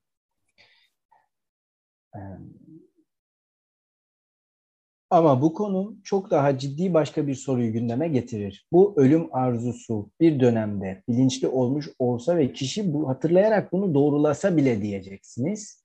Bu bir açıklama olamaz. Ne olursa olsun bu arzu uzun süre önce aşılmıştır ve bugün bilinç dışında güçlü bir dürtü olarak değil, olsa olsa duygu içermeyen bir anı olarak kalır. Aşılmıştır kelimesinin Batuhan vaktim varsa Almancasına bakmamız gerekebilir. Çünkü birazdan sebebini açıklayacağım. Çünkü payelde farklı bu önemli bir ifade olabilir. Ben de az önceki sözel içerik baktım herhalde tam metin demeye çalışıyor. Onu da yazmış olayım. Tamam. Yani burada tırnak içerisinde bu ifadede aş, aşma önemli. Bakın ne olursa olsun bu arzu uzun süre önce aşılmıştır ve bugün bilinç dışında güçlü bir dürtü olarak değil olsa olsa duygu içermeyen bir anı olarak kalabilir. Güçlü bir dürtü olduğunu destekler hiçbir şey yok. O halde rüyada nasıl hatırlanıyor? Bu soru haklı olarak sorulabilir. Buna cevap verme çabası bizi konudan çok uzaklaştıracak ve rüya teorisindeki en önemli noktalardan birisi konusunda bir tavır almamızı gerektirecektir. Ama konumuz çerçevesi içinde kalmam ve dikkatli olmam gerekiyor. Dolayısıyla bir süre beklemeye hazırlıklı olun. Şimdilik rüyayı başlatan şeyin aşılan yani geride kalan bu arzu olduğunu gösterebileceğimiz gerçeğiyle yetinelim ve diğer kötülük arzularının da aynı şekilde geçmişe götürülüp götürülemeyeceğini incelemeye devam edelim demiş Freud.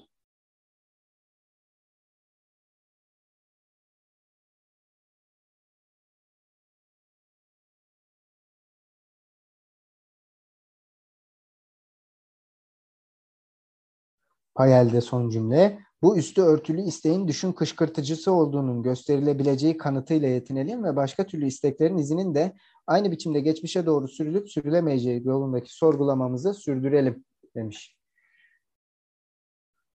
Burayı kontrol etmeliyiz. Ee, var mı bu paragraf konusunda söylemek istediğiniz herhangi bir şey?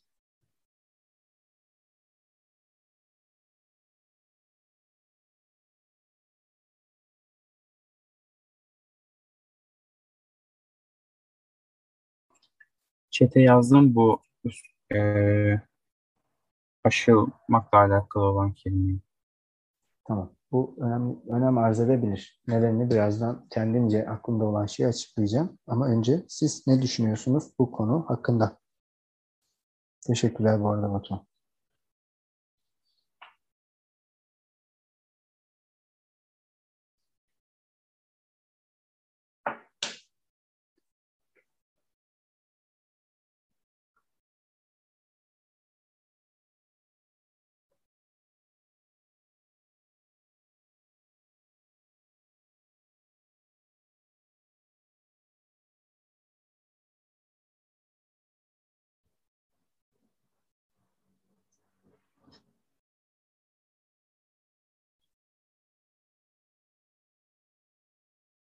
Duygu içermeyen bir anı ifadesi size ne düşündürüyor? Önemli bir ifade bu. Duygu içermeyen bir anıdır diyor.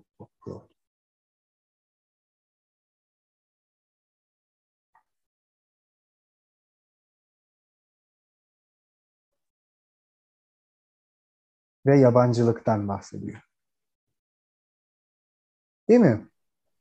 Acaba Sözcük- duygu içermeyen mi yoksa duygunun bir türlü gelmediği yani o anın yaşadığımızdaki duyguyu bir türlü yakalayamadığımız bir şey mi? Çünkü duygu içermeyen anı olmaz gibi düşünüyorum ben.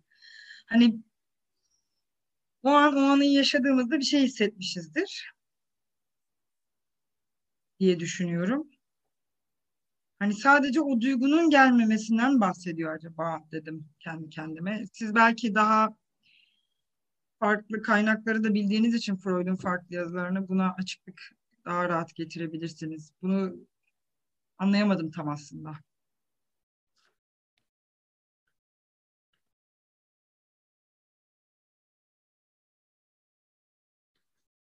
Ee, bir şey ekleyebilir miyim ben de? Duygu içermeyen anı dediğinde sanki bastırmanın başarılı bir şekilde gerçekleştirildiğini, o anıdan gelen duygunun en azından bilinçli durumda yok edildiğini, bilin, bilincimizde yok edildiğini düşündüm. Başarılı bir bastırma mı diyeceğiz o zaman buna.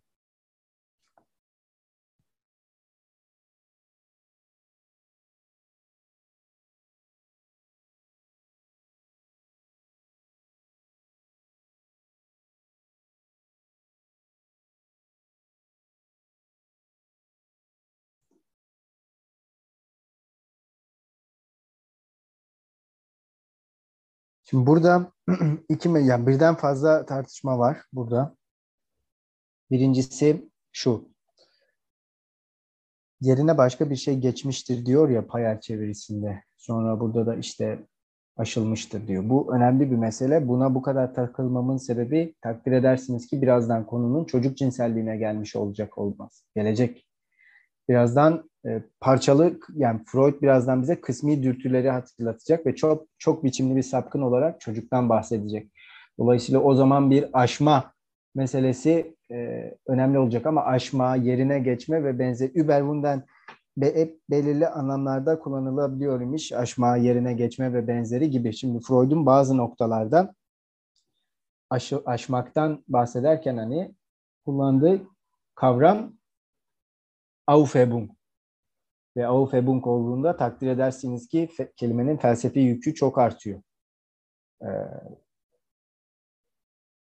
burada farklı bir durum var. Bir yerine geçme var. Bu zaten halihazırda önemli bir mesele ama bunu belki bir noktada da biraz şeye bırakabiliriz. Ee, sonraki tartışmalara. Ama benim takıldığım nokta yabancılık meselesi. Şimdi öncelikle yabancılıktan bahsederken aklıma şu geldi. Um, alyans ve mezalyans meselesi.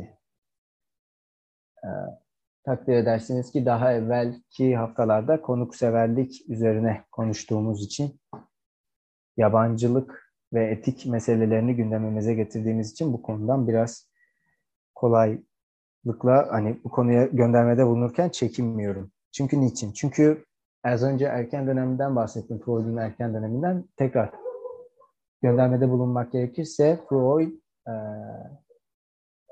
duygu ve düşünce içeriğinin birbirinden birbirine ayrılık veya uyumsuzluk durumları için mezalyans yani uygunsuz birliktelik kelimesini kullanır ve hipnozun yaptığı şeyin bu olduğunu söyler ve duygu yükü çalışılmadığı müddetçe tek başına düşüncenin hiçbir işe yaramayacağını, düşünceyle tek başına çalışılamayacağını söyler.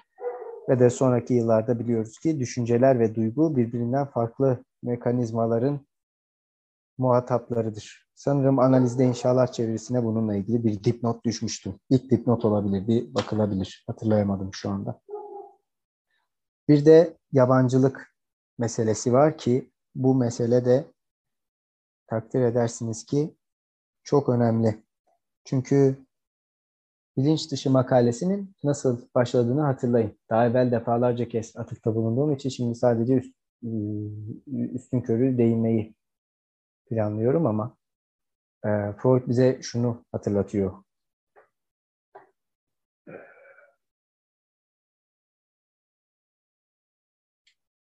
Bilinç dışı diyelim bir içerik. Biz bunu hastaya açık ettiğimizde, örneğin söylediğimizde bu ne işe yarayacak? Biraz spekülasyon yapacağım. E, kusura bakmayın lütfen. Lafı uzatacağım. Affınıza sığınıyorum. Şimdi Freud'un analizde inşa sonlandırılabilir, sonlandırılamaz analiz makalesinde derdi şu. Şimdi bir e, dürtülerin analiz esnasındaki kuvvetiyle ilgili bir mesele var. Analizde çözümlenmesi gereken e, travmalar var, travmatik deneyimler var. Bir de egodaki değişimler var. Üçe bölüyor Freud, tamam mı? Şimdi takdir edersiniz ki analizin sonu gibi bir şeyi tartıştığınızda ortaya şu soru geliyor. Freud diyor ki bir kişi koruyucu tedavi amaçları ile henüz ortaya çıkmamış olan bir kompleksten, henüz ortaya çıkmamış olan bir ıstıraptan, semptomdan bahsetmeye kalksa, bunu hastasına açık etse bu ne işe yarar? Freud'un sorusu bu. Bilirsiniz ki diyor Freud, analist olarak sezmiş olabilirsiniz yani. Böyle bir meselenin patlak vermesi muhtemel ama hasta bunu getirmemiş. Ve analiz sonlanmak üzere, sonlanacak gibi gözüküyor. Ama hasta bu konuya yaklaşmıyor bile. Ben bunu gündeme getirirsem ne işe yarar diyor Freud. Şimdi bu çok önemli bir mesele. Yemin ederim bağlayacağım bana güvenin. Çünkü diyor ki Freud histeri ben hep bunu alıntılamayı severim. Histeri üzerine çalışmaları Freud şöyle bitirir. Istırabınızı makul bir şeye dönüştürebilirse psikanaliz evladır. Daha fazlasını yapamayız çünkü biz yazgı kadar kuvvetli değiliz der Freud. Ölmeden önce yazdığı son makalelerden birisinde ise şunu sorar. Psikanalist bir tanrı rolü oynayabilir mi? Oynayamaz. Çünkü siz yok olan bir karmaşayı gündeme getirdiğinizde ne işe yarayacak bu? Neden önemli? Çünkü hatırlayın analizde inşalar makalesine Freud yanlış yapılan yorumlarla ilgili şunu söyler. Çok da mesele değildir. Hatta vahşi analiz makalesinde de hani elbette Freud'un vahşi analizi övdüğünü söylemeyeceğim ama çok da önemli değildir der Freud. Hani yanlış bir yorum yapmak. İşe yarar öyle ya da böyle. Zaman gösterir ne işe yarayacağını. Hemen karşılığını da bekleme hatasına düşmeyin. Ama bir işe yarar der Freud. Vahşi analiz. Öyle ya da böyle. Hiçbir işe yaramasa bile şüphelendirir. Yani onu duydurur. Belki bu ileride bir şeye dönüşebilir diyecek Freud. Tamam mı? Şimdi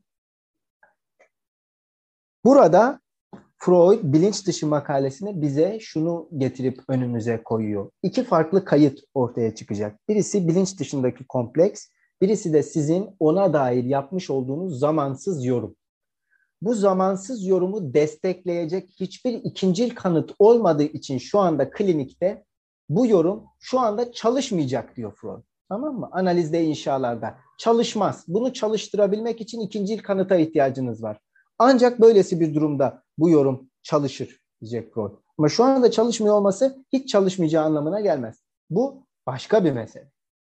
Tamam Şimdi burada yabancılıktan bahsediyor Bu kayıtları çiftlediğiniz zaman yani mezalyansı aslında işaret ettiğiniz zaman bir kişiye bir karmaşadan ama onun henüz yeterli des malzeme ile yaklaşmadığı, gündemine getirmediği, sorusunu sormadığı karmaşadan siz bahsettiğinizde kayıtlar çiftlenecektir ama bu ne işe yarayacak diyor Freud. En nihayetinde bilinç dışında bir kayıt mı olacak?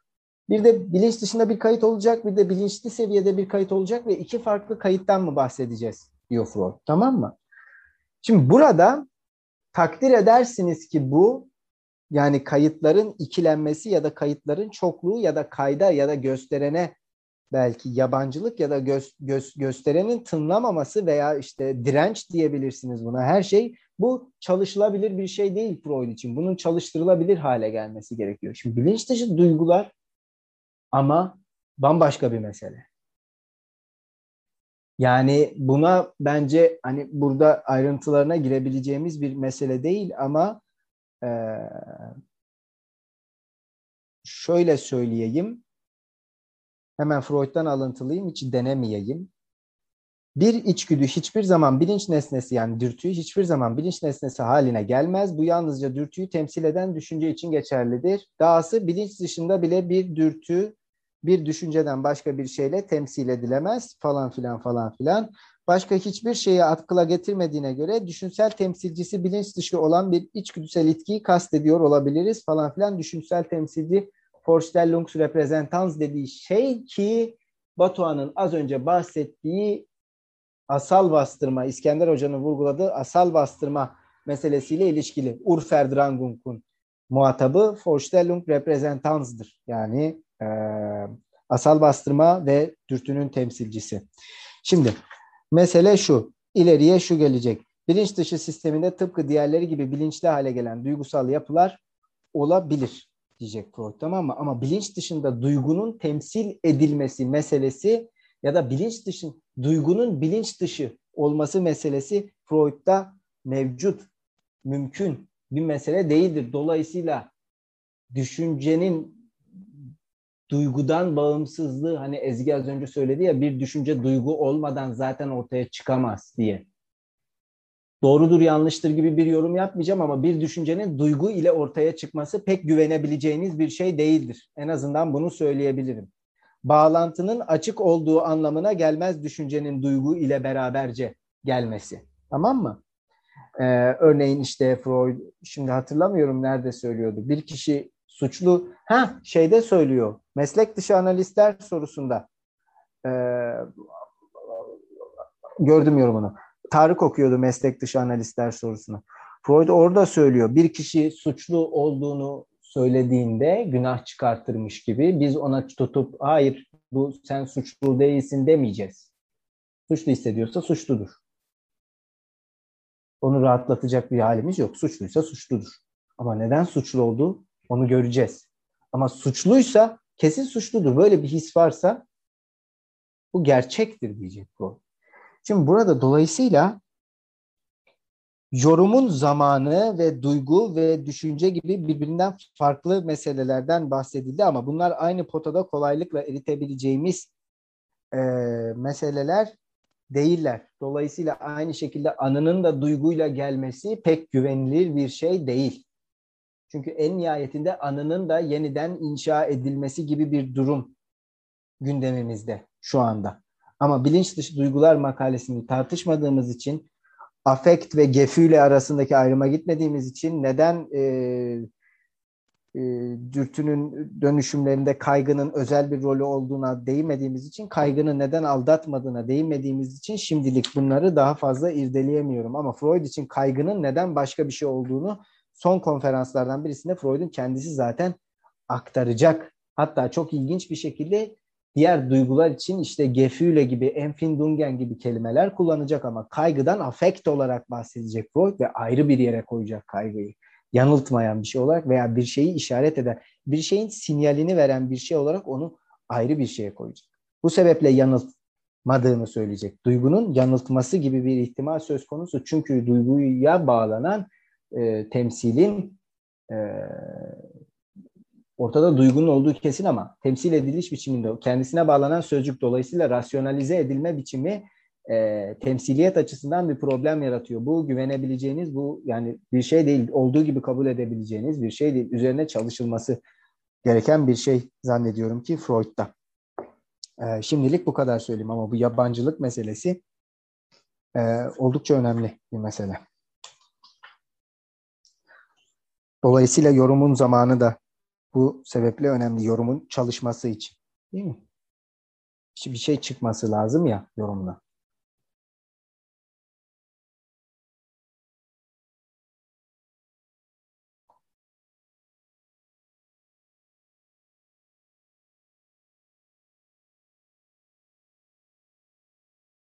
bilinç dışı düşünceler olduğu gibi bilinç dışı duygular yoktur diyor Freud. Çok açık, çok dümdüz bir şey.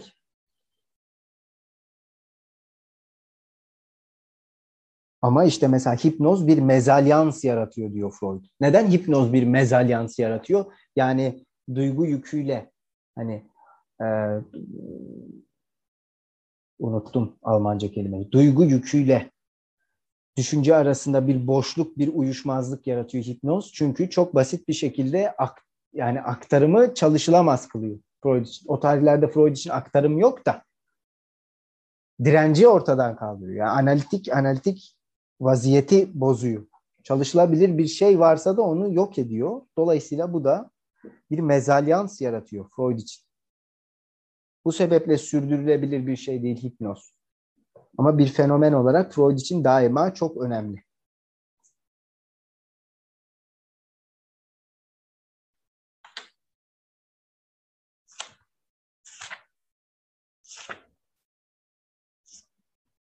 Affect Betrak, duygu kotası bu arada.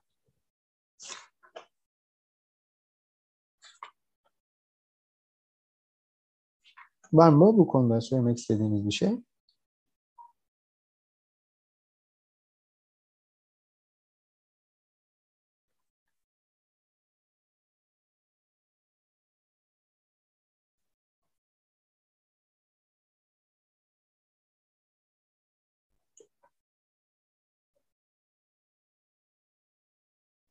Çok kısa bir paragraf okuyayım. Bence benim beceriksizce söylediğim her şeyi Freud bastırma makalesinde çok müthiş bir şekilde özetliyor. Şimdiye kadarki tartışmamızda dürtüsel temsilcinin bastırılmasını ele aldık ve bu temsilciden bir dürtüden gelen belli kotada ruhsal enerjiyle yüklü, libido ya da ilgi diyor Freud.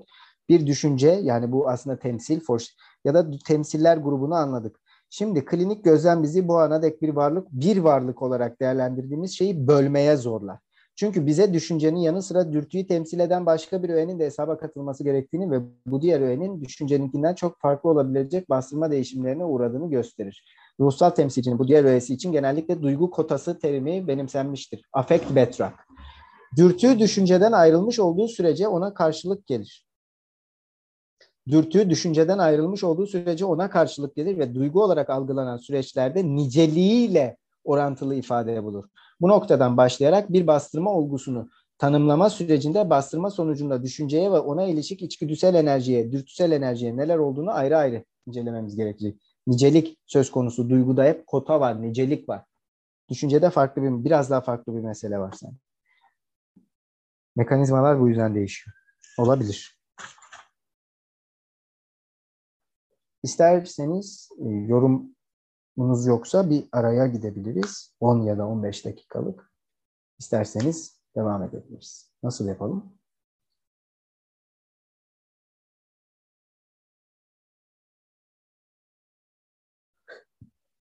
Sesinizi duyamıyorum. Bence ara verebiliriz. Bence de.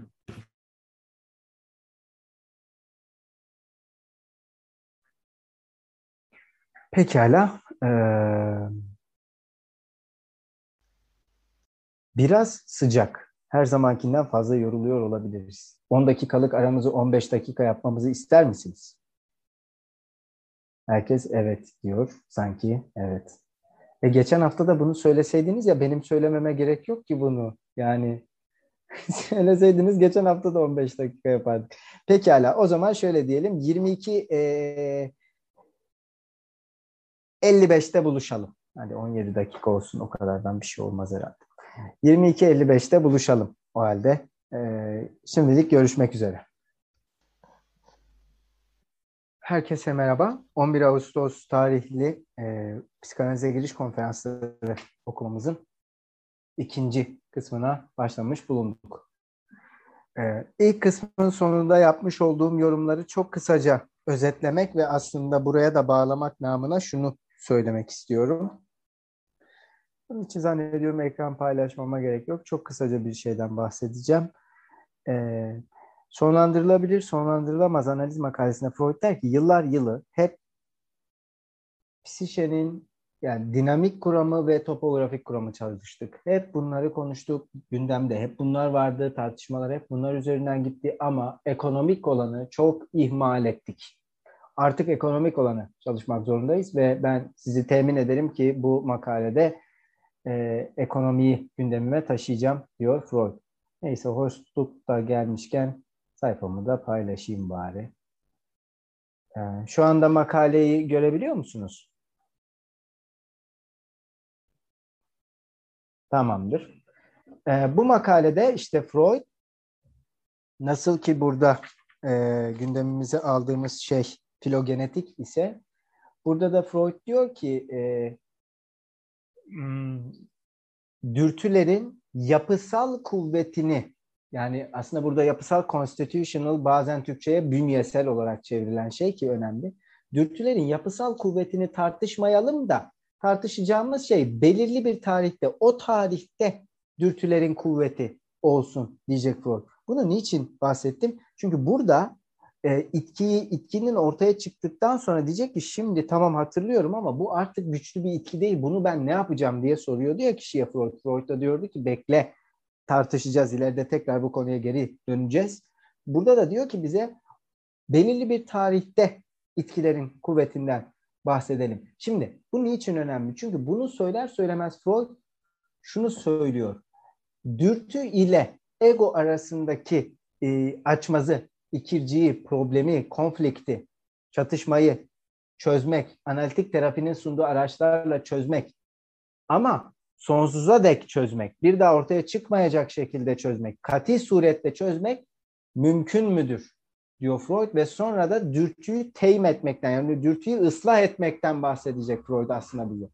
Islahtan bahsediyor. Islah yani taming çok önemli bir ifade. Neyse sonuç olarak burada bu tartışmayı uzatmak istemiyorum ama e, benim şimdi e, burada az önce de söylemeye çalıştığım şey şuydu. E, çok kısaca özetleyeyim ve hani bugün için beni lütfen maz, mahsur görün.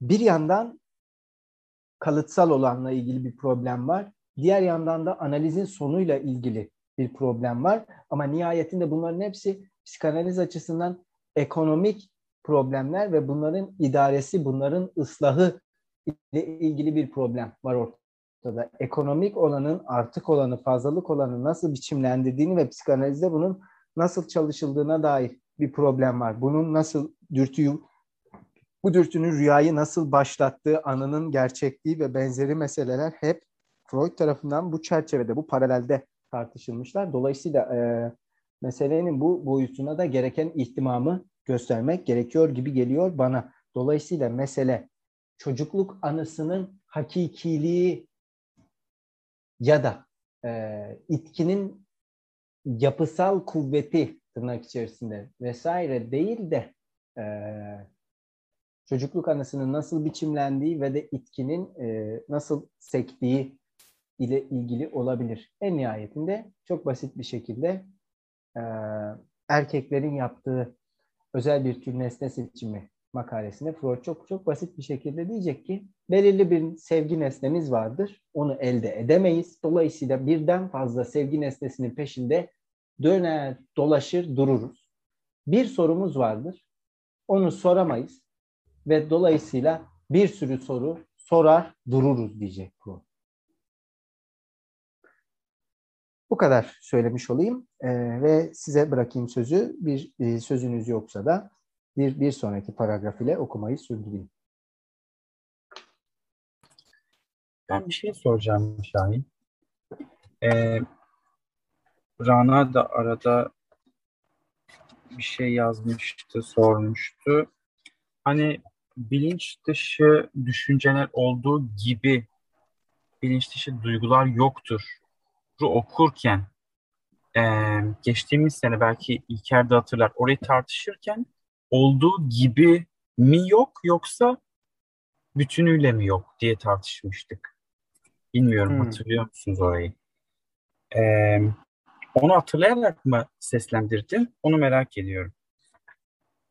Ben bahsettiğin tartışmayı hiç hatırlamıyorum. Heh, bir dakika hemen açıyorum. Yani onu ner- o tartışmayı ne zaman yaptığımızı hatırlayamıyorum. Şöyle bir tartışma yapmıştık. Şimdi Metapsikoloji 176. Evet, o sayfam açık şu an önümde. Tam olarak o sayfadayım. Ee, bilinç dışı düşünceler olduğu gibi bilinç dışı duygular yoktur. Tamam. Ama şunu da diyor olabilir mi diye tartışmıştık. Acaba bilinç dışı düşüncelerin olduğu gibi mi yok? Yani bütünüyle mi yok? Yoksa bilinç dışı düşüncelerin olduğu gibi bilinç dışı duygular mı yok? Hani orada gibinin altını birazcık çizmiştik. Bilmiyorum hatırlayan varsa. O yüzden ben bunu sormak istedim yani. Bu tartışmayı hatırlayan Bir var sonraki cümle ne diyor sence? Ama bilinç dışı sistemde tıpkı diğerleri gibi bilinçli hale gelen duygusal yapılar olabilir.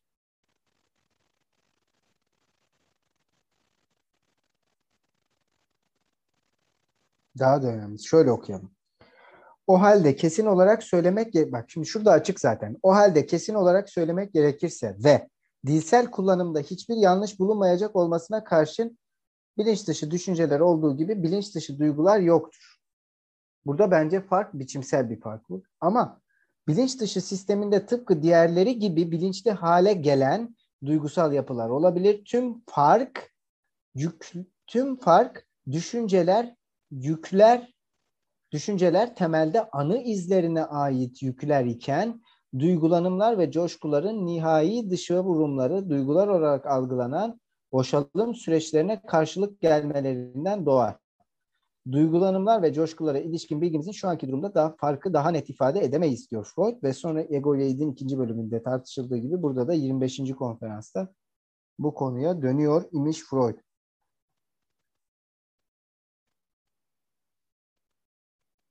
Yani kati suretle olmamaktan farklı bir mesele bence bu bana soracak olursan. Çünkü dilsel Evet. kullanımda hiçbir yanlışlık olmayacak diyor ya bu önemli işte. Bu önemli diyor. Yani böyle bir şey bilinç dışı duygu desek dilsel kullanımda bir yanlışlık olmaz ama bilinç dışı duygu dediğinde sen bilinç dışı düşünce gibi bir şey anlarsan bu dilsel kullanımda bir farklılık yaratır diyor. Yunus, Evet. Ben de bir şey ekleyeyim mi? Lütfen. Şunu okuyacağım Yunus izninle. Ee, yani o yüzden orayı açmak istedim ama senin seslendirdiğin kısma dair zaten şurası var. Ee, yukarılarda e, belki sen de çizmişsindir orayı. Bastırmanın gerçek amacının duygunun gelişimini engellemek Hı hı. olduğunu ve bu amaç gerçekleşmedikçe çalışmasını tamamlamadığını biliyoruz. Evet. Yani yok diyor ama bir yandan biçimsel farklı olduğunu da söylüyor. Evet. Yunus lütfen. E, sesim geliyor mu? Evet. Tamamdır. Yine Bruce Fink e, bu az önce bahsettiğim kitapta yansıtmalı özdeşim kavramını tartışırken bilinç dışı duygu meselesi hakkında bir yorum yapıyor. Çok kısa bir e, cümle onu da söyleyeceğim. Şöyle diyor. Bir şey hissedilmezse ya yeri değiştirilmiş ya da gizlenmiş bir şekilde. Mesela kaygı veya öfke biçiminde hissedilse bile hissedilene kadar duygu değildir diyor. Yani duyguyu ayırt edici, duygunun ayırt edici özelliği hissedilmesi aslında. Bilinç dışı olan bir şeydir. Hissedilene kadar ona bir duygu diyemeyiz. Ancak ve ancak hissedildiği zaman duygu diyebiliriz diyor Bruce Fink.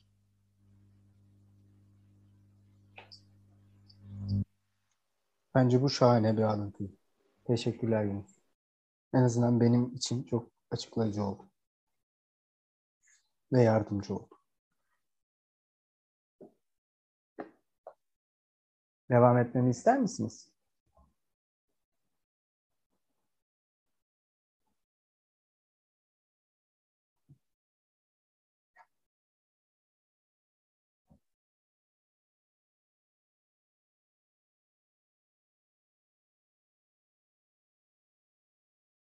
konuyu diye başlayan paragraftan devam ediyorum. Doğru mudur?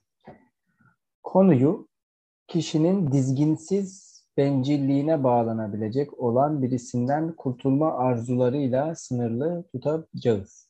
Birçok durumda rüyanın oluşmasına bu tür bir arzunun neden olduğu gösterilebilir. Yaşamın akışı içinde kişinin yoluna ne zaman birisi çıksa ki yaşamda ilişkilerin karmaşıklığı açıdan bu ne kadar da sık yaşanır, bu onun babası, annesi, kardeşi veya eşi bile olsa onu anında öldürmeye yönelik bir rüya oluşur. İnsan doğasının bu kötülüğü bizi çok şaşırtmış ve rüya yorumunun bu sonucunu sorgusuz bilerek kabul etmiştik. Ama bu arzuların geçmişteki kökenine baktığımız an en yakın akrabalara bile yönelen bu bencillikte ve bu arzu giderici dürtülerde hiçbir tuhaflık olmadığını görürüz. Çocuklar özellikle de sonradan unutkanlıkla örtülen ilk yıllarında bu bencilliği aşırı belirginlikle sergiler ve değişmez olarak bunun kalıntılarını gösterir. Çocuk önce kendini sever ve ancak daha sonra başkalarını sevmeyi ve kendi egosundan başkaları için özveride bulunmayı öğrenir. Çocuğun başından beri seviyor gibi gözüktüğü insanlar bile onlara ihtiyaç duyduğu, onlarsız yapamayacağı için yani yine bencilce güdülerle sevilir. Sevme dürtüsü ancak çok sonra bencillikten kurtulur. Bencilliğin ona sevmeyi öğrettiği tamamen doğrudur, diyor Freud.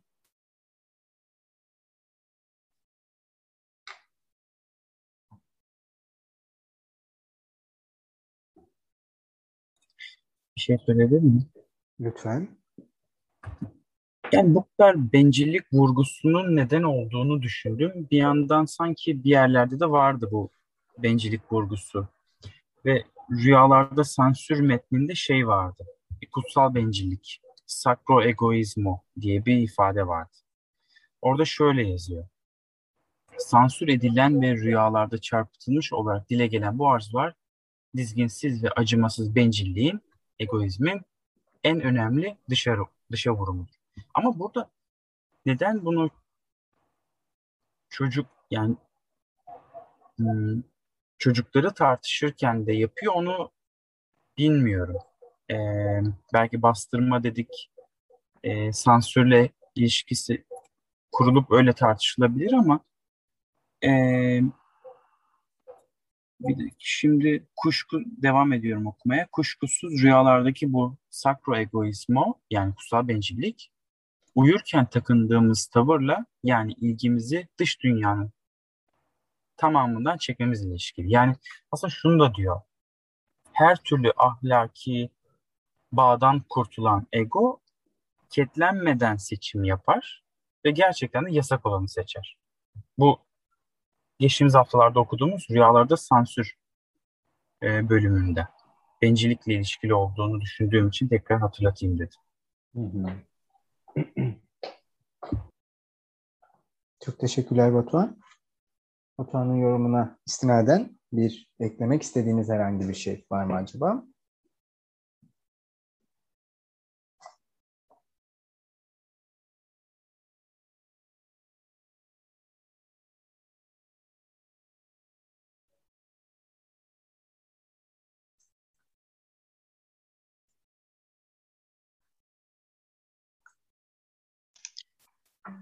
Ben şunu söyleyebilirim aslında bu bölümde.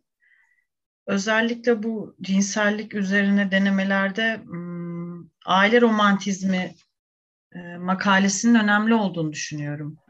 E, çünkü burada bir e, bölüm vardı ve bölümde cinsiyetin etkisi açıktır. Çünkü erkek çocuk babasına karşı düşmancı dürtüler beslemeye, e, annesine olandan daha fazla eğilimlidir ve babasından kurtulma arzusu annesinden kurtulma arzusundan çok daha güçlüdür diye hani bu bencillikten bahsettiğimizden dolayı benim aklıma burası geldi ve bir sonraki paragrafta da nevrotiğin bu şekilde başlayan ebeveynlerine yabancılaşma seyrindeki sonraki bir aşama nevrotiğin aile romantizmi olarak adlandırılabilir diyor.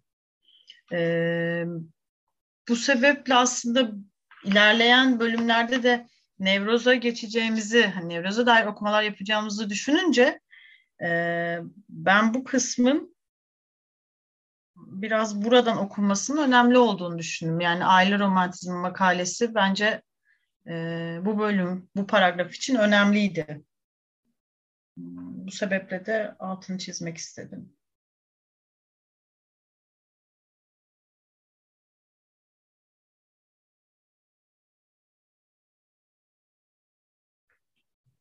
Teşekkürler Elif. Ee, ben bir şey sormak istiyorum Elif. Ben e, Dorothy Burlingham'ın aile romansı ve ikizlik hakkındaki makalesini okuduğum için e, Freud'unkini okumadığımdan sana soracağım. Bu aile romansı neden yaratılıyor en başta?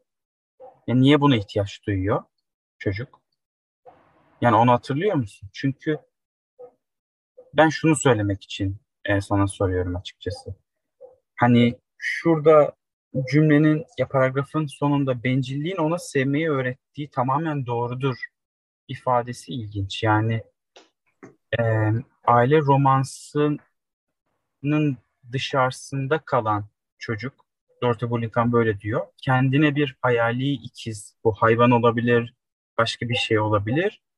Onunla yarenlik eder. Hatta refakatçi gibi bir ifade de kullanıyor orada. Dolayısıyla sevmeyi öğrenmesini ben öyle düşünüyorum. Ama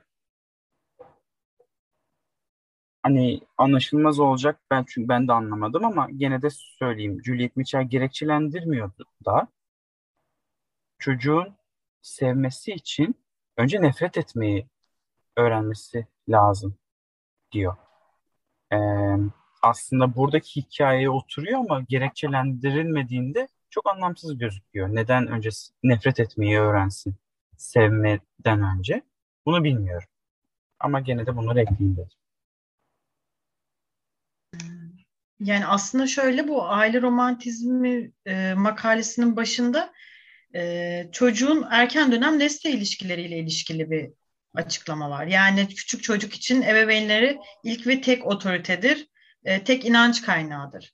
E, baktığımızda bu aslında ilk e, erken dönem nesne ilişkileriyle alakalı bir açıklama. Ama sonrasında e, gelinen noktada bu düşmanca e, işte tavır veya bu bencillikle ilişkili yeri e, Oedipus kompleksiyle birlikte de düşünecek olursak Freud'da bu bana tamamen e, o üçlü ilişkinin, babanın o ilişkiye girmesi, e, o ilişkide bu ensest yasağı, bu kastrasyon, e, yani erkek çocuk için veya kız çocuk için fark etmez. E, bununla ilişkili olarak bu. Çünkü e, burada erkek çocukla ilgili tam olarak hangi makaledeydi bilmiyorum. Yanlış da aktarmak istemem ama e, ya penisini kaybedecek ya da annesini sevmekten vazgeçecek gibi bir e, kasri olmaya dair bir kaygısı var.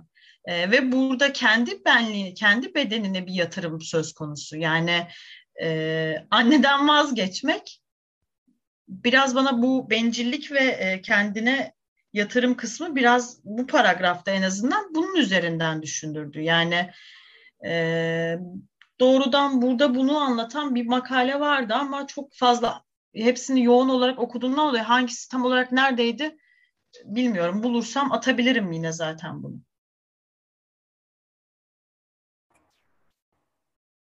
Şahin bir sorun var mı? Yok Elif'in alıntısını düşünüyorum da Ha, yok. Oedipus, Sen Oedipus gittiğin karmaş yerde de o yüzden.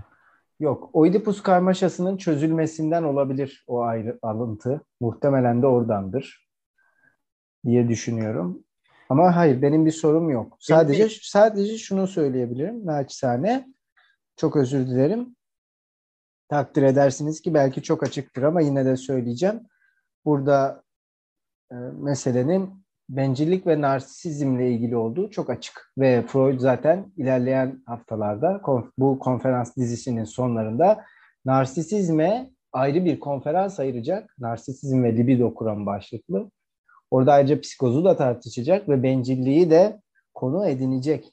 E tabii ki bir de burada nesne seçimi açısından narsisistik nesne seçimi ve işte anaklitik diye çevrilen İngilizceye e, nesne seçimi arasındaki ilişki de var ama Freud burada bize sadece bunun ucunu göstermiş şimdilik. O yüzden benim de sizin söylediklerinize ekleyecek bir şeyim yok. Teşekkür ederim Batuhan Hanım. Ben şunu ekleyebilirim. Yani Elif aile romansı metni neden aklına geldiğini tam anlamadım ama benim için çok iyi bir yere oturdu. Çünkü Dorothy Bullickham da Oedipus Oedipus durumunda diyor bu yaşanır. Yani çocuk dışarıda kalır ve sevmeyi e, öğrenir gibi tercüme edebiliriz. E bugün dediğim gibi hani ve Oedipus e, Oedipus'tan çıkış tırnak içerisinde. Hani sen dedin ya penisin nasıl bir ifade kullandığını tam hatırlamıyorum orada ama İskender Hoca şöyle diyor. Galiptir bu yolda mağlup. Yani bu yenilgiyi kabul ettiğin takdirde böyle bir yol mümkün. Oedipus'tan çıkış tırnak içerisinde. Yani ancak galip galipsen, yani mağlupsan e, galipsin. E, dolayısıyla bencilliğin ona sevmeyi öğretmesi yani sanki mağlubiyetin bir galibiyete ya da farklı yollara açılmasının ben böyle düşünüyorum. Gene Oedipus bağlamında senin gibi.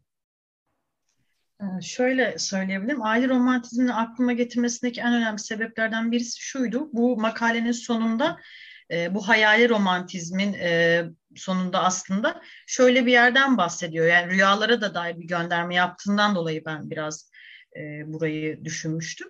E, şöyle bir kısım var. Bu hayali romantizmin en yaygın biçimi olan ebeveynlerin veya sadece babanın daha önemli insanlarla değiştirilmesini ayrıntılarıyla inceleyecek olursak bu yeni aristokratik ebeveynlerin tamamen gerçek ve alçak gönüllü anılardan çıkarılan özellikle donatıldığını görürüz. Dolayısıyla çocuk aslında babasından kurtulmaz, onu yüceltir. Ee, buradaki bu aslında bu çocuğun vazgeçişinden sonra da e, Freud, bu Oedipus kompleksinin çözülmesi makalesinde bunun sonrasında yerini özdeşleşmeler alır diyor zaten hmm. e, devamında. Bu yüzden bu aile romantizminin aklıma gelmesi sebebi bu yüceltme ve bu yüceltmeyle birlikte çocuğun rüyalarında e, gördüğü kral ve kraliçenin anne ve baba olarak aslında yorumlanıyor olması bu makalenin son paragrafında e, bana biraz hani bu e, bencillik, e, sonra sevmeyi öğrenme, yüceltme kavramlarıyla düşündürdüğünden dolayı aile romantizmi aklıma gelmişti. E, beraberinde okunabilir diye düşündüğümden dolayı burayı belirtmek istedim açıkçası.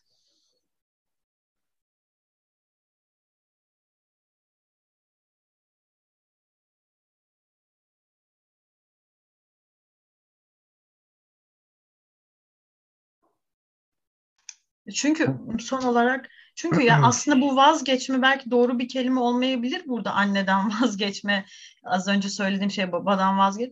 Bunun yerine aslında nesne yüklerinin özdeşleşmelereken yerini bırakması. Yani çünkü e, bu erken dönem nesne ilişkileri e, bağlamında aslında özdeşleşme benim tezimin konusu olduğundan dolayı zaten biraz buradan çalışmıştım.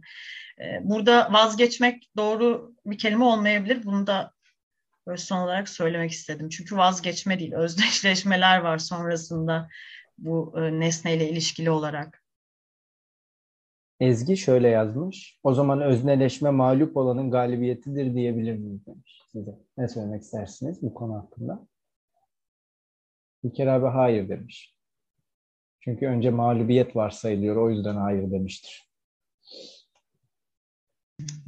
Bence olabilir yani olabilir mi bilmiyorum. Fallus üzerinden belki düşünecek olursak fallus kavramı üzerinden e, çocuğun artık annenin e, arzusunun e, babayı işaret etmesi o üçlü ilişki ve o, o üçlü ilişkideki e, fallus olmaktan e, çekilmesi belki de ki özne olmak da bununla ilişki özne olmak öznenin kurulumu da bu tam da bu dönemdeki özdeşleşme ve yabancılaşma diyalektiyle kurulabilen bir şey. O yüzden e, özneleşme mağlup olanın galibiyeti olabilir gibi geldi bana. Arda bir soru sormuş. Demiş evet. ki eğer baba olmasaydı çocuk gerçekten anneye sahip olabilir miydi? Bu soruyu açmanız gerekir. Bunu böyle sorarak kaçamazsınız. Ben önceki soruya şöyle cevap verebilirim. Yani Ezgi tam cevabını bilmiyorum. İskender Hoca'nın seminerinde söylediği ne söylediğim şeyle birleştirebilirim. Eğer ruhsal doğum doğumu yapan babaysa ve o üçüncüyse o ikili ilişkiye dağılımlan diyense e, ve buradaki mağlubiyetin ka- kabulüyse söylediğin doğru olabilir. Yani soruna evet denebilir. Hı, sesim gelmiyor demiş Arda. Bu üzücü çünkü iyi bir soru olabilirdi. Baba olmasaydı anneye sahip olabilir miydi? demiş çocuk.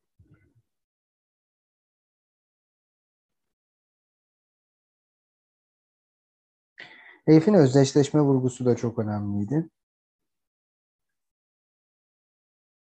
Yani aile romansından yola çıkarak özdeşleşmeye gitmesi Andre Green Hadim Edin'le Kompleks kitabında bu soruyu soruyor. Aklıma oradan geldi demiş Arda. Ee, benim okuduğum bir kitap olmadığı için senin sorunu farklı bir sesle seslendiremeyeceğim. Bunun için özür dilerim. Ama yorum yapmak isteyen varsa e, dinleyebilirim.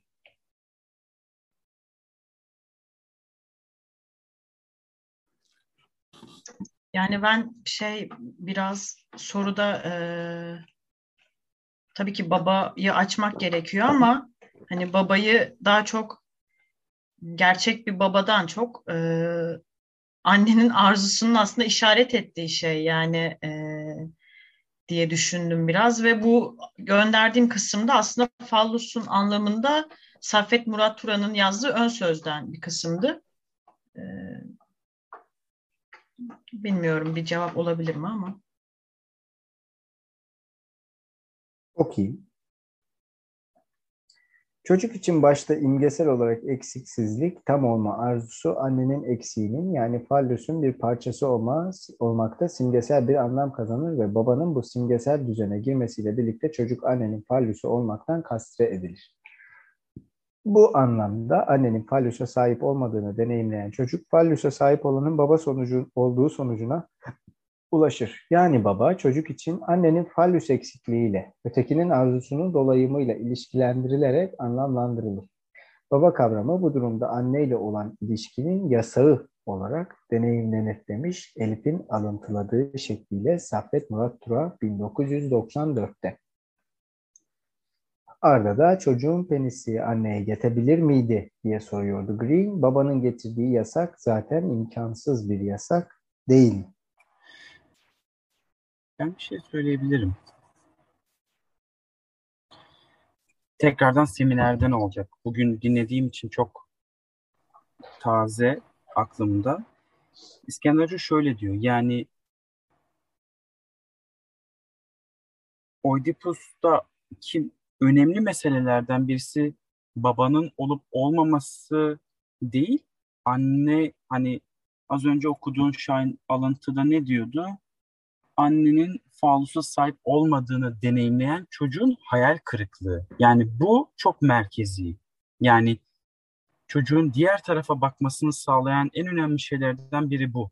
Baba olmasaydı bunun ne demek istediğini bilmiyorum. Elif'in söylediği önemli yani somut anlamda mı baba yoksa herhangi bir işaret edilen başka bir babavari bir şey mi? Ama bunu atladığımda Oedipus'taki önemli meselelerden biri bu e, hayal kırıklığı. E, annenin penise sahip olmadığına dair hayal kırıklığı olduğunu söyledi. İskender Bey.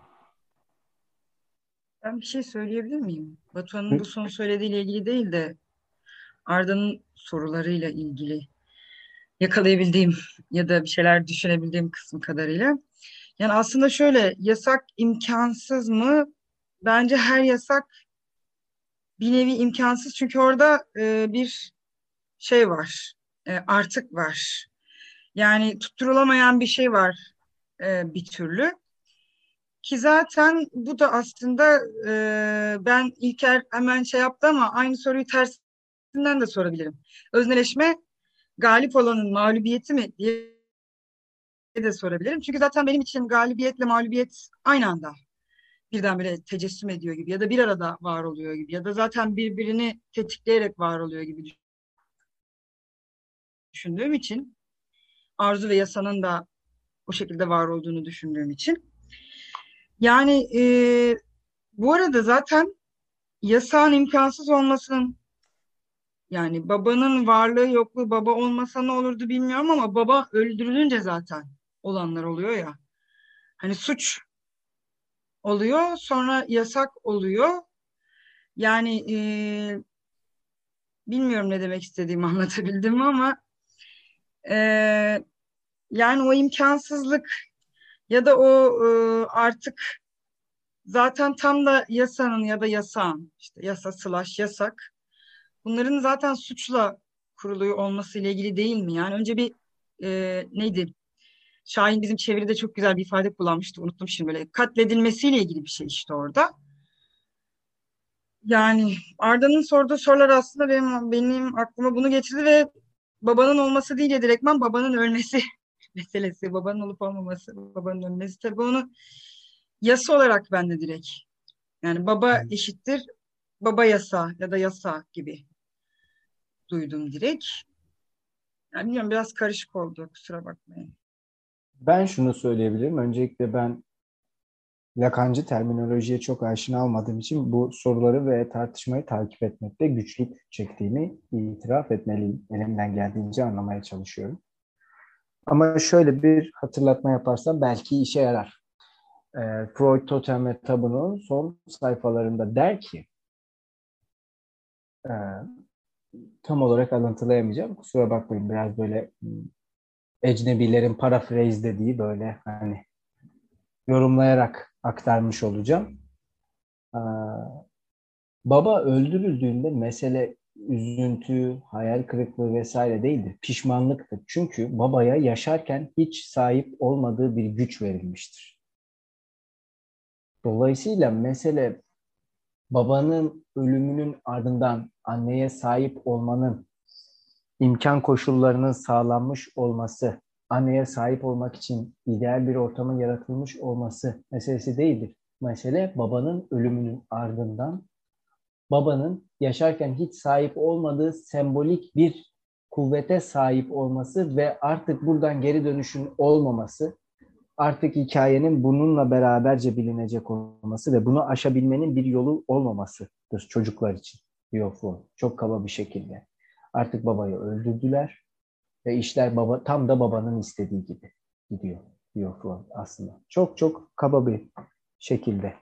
Doğrusunu, aslında doğrusunu şu, şu şekilde ifade edebilmek de mümkün. Babanın kendilerine musallat olmasını sağlıyorlar aslında. Yani e, kaş yapayım derken göz çıkartmak gibi bir şey ama göz çıkartmak derken burada Oedipus'tan bahsediyorum. Kaş yapayım derken göz çıkartıyor. Anlatabiliyor muyum? Bu önemli bir ifade e, Arda'nın sorusu bağlamında gibi geliyor bana. Hani baba olmasaydı anneye sahip olabilir miydi dedik ya. Benim aklıma hemen bunu getirdi. Hani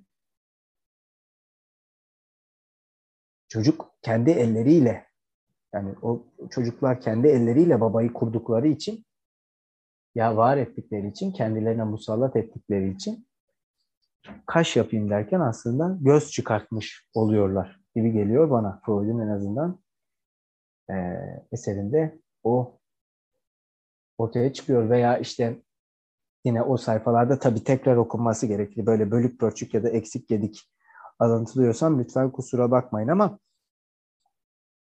Freud e, Hazreti İsa için kendi tebaası namına öldüğünde diyor Freud, kendi tebaası için öldüğünde aslında babadan ölümünü çalmıştır diyor. Çok kaba bir ifadeyle. Yani babadan aslında babanın pozisyonunu çalmıştır tebaası için öldüğünde. Onların günahları için öldüğünde. Ve babanın yerine geçmiştir diyor onun ölümünü çalarak. İsa için Freud. Bu önemli bir mesele olabilir. Belki söyledikleriniz bağlamında. E, romans, aile romansı ve Elif özdeşleşme dedi. Ben oraya takıldım. E, maalesef o alıntıları artık okuyamayacağım. Çünkü e, bu tartışmayı daha fazla uzatmadan bir iki sayfa daha okumayı uygun görüyorum. Bu hafta iyi olacaktır bence hepimiz için ama size sayfalarını vereceğim. Elinizde Yas ve Melankoli'nin payel baskısı varsa 249. sayfa. Haz ilkesinin ötesindenin yine aynı metapsikoloji derlemesinde haz ilkesinin ötesindenin de 299. sayfası. Arada tam 50 sayfa var. 249 ve 299. Neden bu sayfalara gönderme yaptım? Okuduğunuzda filogenetik fanteziden Freud'un ne anladığına dair e, bir işarette bulunmaya çalıştığımı görebilirsiniz. Müsaadenizle devam ediyorum. Katkıda bulunan herkese isimlendirelim. Batuhan'a, Elif'e, Arda Bey'e, Ezgi'ye, bakışlarıyla İlker abiye, ee, bakalım chatten kimseyi unutmuş muyuz? Rana Hanım'a teşekkür ederiz. Bu bağlamda çocuğun kardeşlerine yönelik tutumuyla ebeveynlerine yönelik tutumunu karşılaştırmak ilginç olacaktır. Küçük bir çocuk kardeşlerini sevmeyebilir ki çoğu kez sevmediği açıktır. Birer rakip olarak onlardan nefret ettiğine ve bu tutumun birçok durumda uzun süre erişkinliğe kadar hatta daha sonra bile kesin, kesinin kesintisiz sürdüğüne kuşku yok. Sık sık daha sevecence bir tutumun bunu yerine aldığı ya da daha çok üstünü örttüğü doğrudur. Ama düşmanlık tutumu genelde daha önce geliyor gibidir. Bu çok önemli bir detay. Düşmanlık tutumunun önce gelmesi meselesi. Bu düşmanlık tutumunu gözlemenin en kolay yolu aileye yeni bir bebek geldiği zaman 2,5 ila 3-4 yaşları arasındaki çocuklara bakmaktır. Bebek genellikle düşmanca bir karşılama görür. Onu sevmiyorum, leylek geri götürsün türünden sözler oldukça yaygındır. Bundan sonra yeni geleni azarlamak, onu yaralamak hatta öldürmeye kalkışmak için hiçbir fırsatın kaçırılmadığı bilinir. Aradaki yaş farkı azsa çocuğun zihinsel etkinliği uyanıp daha belli bir yoğunluğa ulaşınca rakibini zaten orada bulur ve kendini ona uyarlar. Buna karşılık yaş farkı fazlaysa bebek başlangıçtan itibaren ilginç bir nesne bir tür canlı bebek olarak belli bir sempati uyandırabilir yaş farkının 8 veya daha fazla olduğu durumlarda özellikle kızlarda özenli anaca dürtüler etkinlik kazanabilir. Ama dürüstçe konuşmak gerekirse kişi bir rüyanın arkasında kardeşine yönelik ölüm arzusunu yattığını görürse buna şaşırmaya gerek yoktur. Ölüm arzu, e, bunun prototipini çocukluğa ve sık sık da sonraki arkadaşlık yıllarına götürmek zor değildir, demiş Freud. Bir sonraki paragrafta okunabilir. İçinde yaşayanların şiddetli çatışmalara girişmediği bir çocuk odası yok gibidir. Bunun arkasındaki güdü, ebeveyn sevgisi, ortak eşyalar, yaşam alanı konusundaki rekabettir. Düşmanca dürtüler ailenin genç üyelerine olduğu kadar daha büyük üyelerine de yönelir. Sanırım Bernard Shaw şöyle demişti. Kural olarak bir İngiliz kızının annesinden daha çok nefret ettiği tek kişi varsa o da ablasıdır. Ama bu sözde bize garip gelen bir şey var. Kardeşler arasındaki rekabeti ve nefreti anlaşılır bulmakta, bulmaya zorlanabiliriz. Ama nefret duygularını kızla anne, ebeveynle çocuk arasındaki ilişkiye de sızabileceğini nasıl düşünebiliriz? Demiş Freud.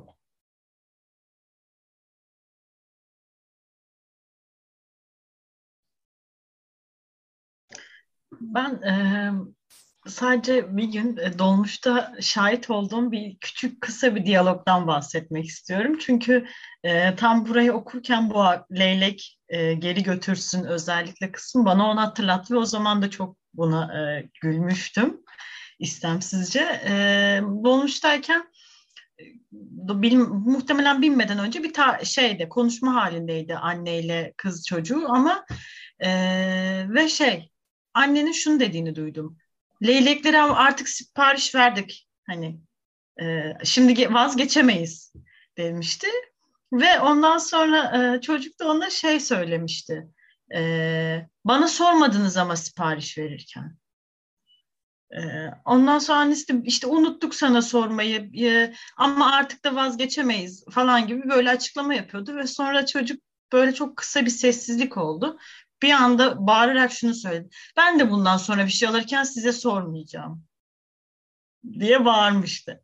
Ee, ve bu kısım bana tamamen yani kardeşlik ilişkisi belki ve e, orada bu kardeşin e, bana sorulmadan e, siparişinin verilmesi ve annesine orada e, ki tepkisi biraz böyle bu paragraf bunu anlattı ve bu şahit olduğum şey bayağı oluyor. Hiç unutamadığım bir olaydı. Ee, çocuk belki de 4-5 yaşlarında falandı. Bunu hatırlattı. O yüzden bunu anlatmak istedim.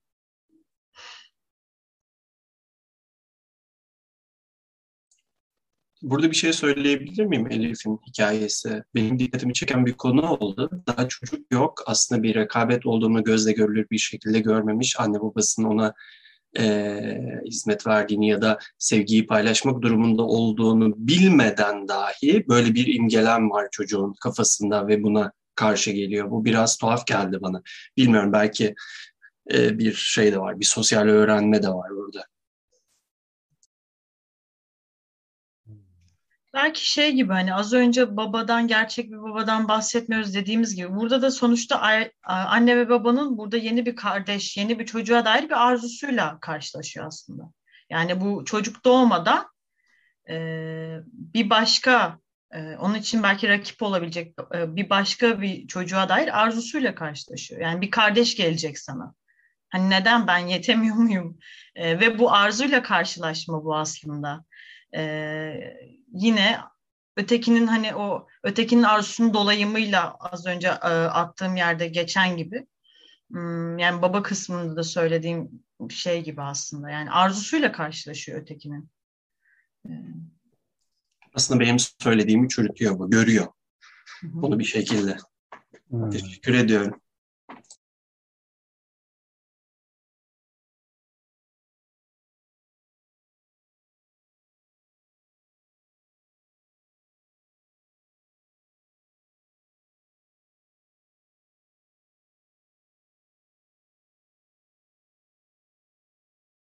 Tabii burada belki göz önünde bulunduğu için çok komik de gelebilir. Hani böyle bir şeyin altını çizmem ama sadece hatırlatmak isterim. Çünkü bana hem mazoşizmin ekonomik sorununu hem de sonrasında işte oradan da uygarlığın huzursuzluğunun özellikle son bölümlerini hatırlattı. Önemli bir mesele gibi geliyor bana. En nihayetinde ortada şöyle bir mesele var. Ortaya çıkan şey ilk duygu öfke. Yani Burada nasıl söylüyor Freud bunu? Dostça olmayan bir kabul diyor. Ortaya çıkacak olan ilk şey budur. Şimdi bu çok önemli bir ifade. Hani bunun neredeyse bir kural olması. Ortaya bir bebek, sahneye bir bebek girdiğinde ortaya çıkacak ilk kural öfkedir. Çünkü niçin çok önemli bir kural? Bu sahneye diyelim aile romansını. Örneğin yeni bir bebek dahil olduğunda yeni bir paydaş girdiğinde mülkiyetin paylaşılması gereken yeni birisi, yeni bir hak sahibi ortaya çıktığında ortaya çıkan ilk şeyin öfke olması aslında bize hemen şunu hatırlatıyor. Hatırlayacak mısınız bilmem ama uygarlığın huzursuzluğundan ve Kant'ın e, ebedi barış tasarısı metninden bahsetmiştim. Kant da öyle ya da böyle idare edecek dünya vatandaşlığını idare edecek bir yasanın zorunlu olduğundan bahsediyordu. Yani mesele bu yasaya gerek olmaması ya da biz bu yasanın gerektiğini bilelim ona riayet ederiz etmeyiz meselesi değil. Hani burada bir yasanın her şeyden evvel zorunlu olması meselesi. Çünkü her şeyden evvel başlangıçta bir öfke var. Tepki var. Yani nefret var. Ve bu hiç de önemsiz değil. Aslında bu nasıl ki Freud'un ruhsal yaşamın e, ruhsal yaşam e, bilinç baz alınarak gerçekleştirilemez. Bilinç ruhsal yaşamın kısımlarından sadece birisidir dediğinde nasıl devrimci bir söz söylediğine inanıyorsak burada da en az bu kadar devrimci bir ifade var. Ee, şöyle söylüyor mesela durum sanki e, mazoşizmin ekonomik sorununda Durum sanki genellikle ahlaki gereksinimler birinci şeylermiş ve içgüdünün reddedilmesi ondan sonra gelirmiş gibi sunulur. Gerçekte tersi doğrudur. İlk içgüdüsel reddetme dış güçler tarafından gerçekleştirilmiştir ve kendisini vicdanda ifade eden ve içgüdünün daha fazla reddedilmesini talep eden etik duygusunu yaratan şey yalnızca budur. Dışarıdan gelir diyor Red. Evvela etik bir e, dürtü yoktur. Evvela ahlaki gereksinimlerin bir dürtüsü yoktur. Bu dışarıdan gelir diyor. Bu da çok önemli bir mesele. Çünkü bildiğiniz üzere uygarlığın huzursuzluğunda kardeşlik Freud için önemli bir bahis olacak. Ee, aslında benzeri bir başka hikayede daha anlatmak isterim. Ee, Dorothy Burlingham ikiz, ikiz doğumunun çevreye nasıl bir etkisi olduğunu inceleyen bir makalesi. Orada teker teker işte e, yetişkinlere, okuldaki çocuklara ve aile içerisindeki diğer kardeşlere etkisini gözlüyor e, ve yazıyor. Ailede bir çocuk var ve ardından ikiz doğum gerçekleşiyor. E, çocuk sonrasında şey e, gruba atmıştım e, bunu. Çocuk annesinin karnına girmek istiyor, geri dönmek istiyor ve bunu şöyle açıklıyor.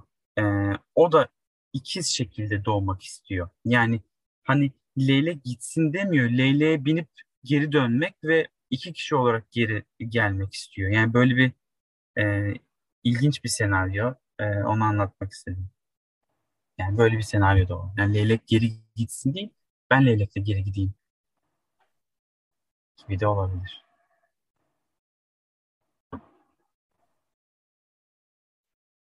Ve Şahin'in uygarlığın huzursuzluğu işaretleri çok haklı tabii yani kardeşini sev çünkü en büyük düşmanın odur diyor. Ve hiçbir akli gerekçesi olmadığını da söylüyor yani. Hiçbir akli gerekçesi yok. Kardeşini niye sevesin ki yani?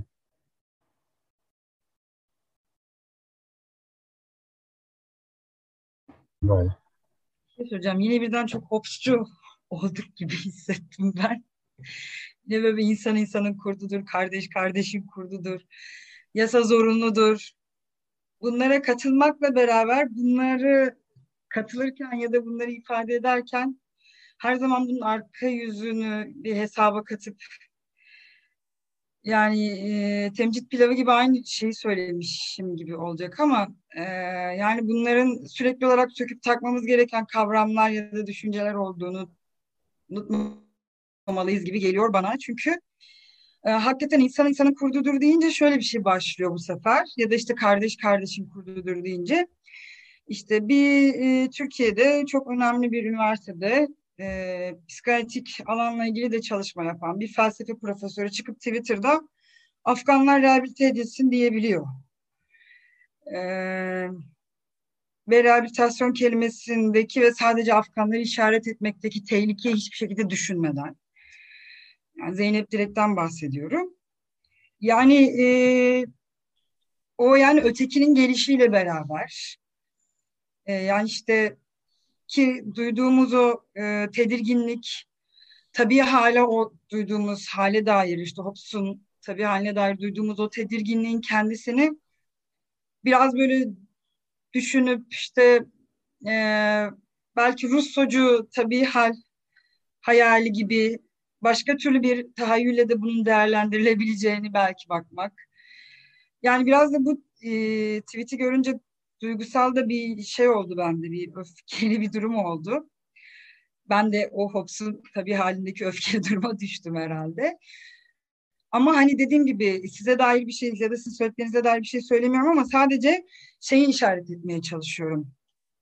Hani bu söylediğimiz şeylerin arka planını, arka suretini e, görmediğimiz takdirde nereye varabilir iş? Sadece o anlamda bir örnek verdim. Yoksa eş tuttum ya da aynı hisleri şu anda yaşadım anlamında söylemiyorum kesinlikle. Ee, orada birden böyle e, bir işte Afgan diye bir şey ilan etmiş, onlara rehabilite edilmesi gerektiğini ve bütün sanki Türkiye'de olup olabilecek tüm çocuk ve kadın şiddet vakalarının şimdiden sorumlusu ve hani yasa koymuş orada e, bu tweet atan hocamız ve oradan böyle bir tabii hal işareti yapıyor ve korkutuyor böyle. Rehabilite edilmezlerse bakın buradan bir şiddet çıkacak gibi. Yani e, o yüzden böyle bir hep e, bunları arka yüzüyle beraber tartışmamız gerektiğini, hep böyle bir e, e, yani nasıl diyeyim e, çok fazla anlama tekabül edebileceğini görmek gerekir diye düşünüyorum. Lütfen beni yanlış anlamayın. Bu grupla ilgili hiçbir şey söylemedim aslında.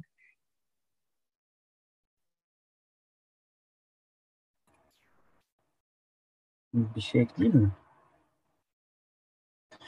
Yani tabii ben söylediklerime söylemediğini zaten anlıyorum. Çünkü hani kardeşini sev yani burada buraya Shine Kant diyor ama ben öyle olmadığını düşünüyorum. Bu İncil'in yani bir kutsal kitabın emri. Kardeşini sev emrinden sonra Freud bir ses bir ses duyduğunu söylüyor. Bunu şimdi tam ezbere söyleyeyim ama bir sesin bunu ona söylettiğini söylüyor sanki. Ee, dolayısıyla burada bir kötü kötücül bir senaryo var ama e, bir fedakarlık meselesi zaten uygarlığın huzursuzluğun çok önemli bir temas. Yani kardeşini sev, yani en büyük düşmanın o ama sevme fedakarlığını göster diyor. Dolayısıyla benim e, işaret ettiğim kısım bu. Zaten bu metin okunurken de bir yandan aklımdan göçmenler geçiyordu ve bir yerde mutlaka geleceğiz gibi hissediyordum. Sen e, açmış oldun.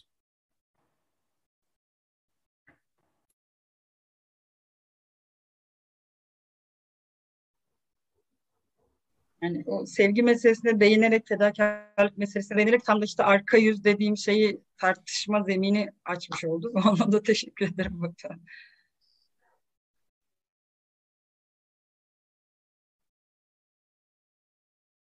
İlker abi chatten yazmış. Ee, lütfen İlker abi seni dinliyoruz. Şimdi e, kısaca bir şey anlatmak istiyorum ama yanlışım varsa kesinlikle düzeltin. Bu aile romansına takılı kaldım ben hala oradayım. tamam ona biraz döneyim. Mesela şöyle bir tablo var önümde. O tabloyu daha önce çalışmıştım biraz ama söyleyeceğim yerle ilgili hata olursa uyarın lütfen. Hızlıca anlatmak istiyorum. Mesela öznellik neydi diye düşünüyorum en başında. Öznellik aslında dünyaya geldiğimizde tüm nesnelerle kısmi olarak kurduğumuz ilişkiler. Nesne ilişkileri. Aslında Elif Hanım'ın tam e, uzmanlık alanı olduğunu düşündüğüm yer. Kleinci bakabilirim burada. Kısmi nesne ilişkilerinin kurulması. Bunların arasında kurulan ilişkiler sınırlanmamış bir öznellik alanının kendisini ifade ediyor. Çünkü her türlü kısmi nesne her türlü kısmi nesneyle bağlantı kurabiliyor. Bu, buna insan merkezci bakmanın ötesinde her türlü bir bağlantıdan bahsediyoruz. Ama kişi benlik bütünlüğünü kazanmaya başladığı anda yavaştan ayna evresi ve sonrasında egoya doğru ilerlemesi ile birlikte artık bir kastrasyon sürecine yaklaşıyor. Bu kastrasyon süreci nedir? Aile romansının içinde olan şey. Peki bu nereden geliyor? Simgesel düzenden geliyor. Peki simgesel düzen nasıl oluşmuş? Bu ayrı bir soru. Politik bir soruya dönüyor burası. Eğer ego karşısında büyük öteki A'yı gördüğü anda o A baba babanın kastrasyonuna maruz kaldığı andan itibaren artık yarılmış bir özne halindedir. Ve bu döngü kuyruğunu ısıran yılan gibi sürekli oydupus çıkması içinde dönen bir yapıya dönüşüyor. Toplumlar bu şekilde kendini yürütüyor, devam ettiriyor gibi düşünüyorum. Tabii bunların hepsini bir yerden çalıyorum şu. Şu an o ayrı bir şey. Yani ailenin yarattığı o aile romansı aslında toplumsal bu düzenin kişinin çocuğunun üzerinde, üzerinde yarattığı bir romans. Toplum bunu kurduğu için he, şunu da diyebilirsiniz tabii ki de. Kesinlikle Oedipus kompleksi evet var, doğrudur. Bunun yanlışlamanın olasılığı zaten yok. Ama simgesel düzende babanın otoritenin altında her türlü e, bu kastrasyon süreci yarılmış özneye gitmekten başka bir yol elde edemiyor. Tamamen Lacancı burası. O yüzden otorite ve yasa öncellenmiyor aslında. Öncelleme diye bir şey yok. Yasa her zaman olacak veya yasanın ne için ve kime hizmet ettiğini düşünmeden yasanın öncelliğini varsaymaktan biraz çekiniyorum açıkçası. Yasa kime hizmet ediyor o zaman gibi düşünmek zorundasın. Yani kendi açımdan. Düşünmezsem bu kısır döngünün içinde saplanıp kalıp Oedipus kompleksinin e, çıkılmaz bir yapı olduğunu düşünüp bir labirentin içinde olduğumu düşünüp kalacağım. Teşekkürler. Dinlediniz.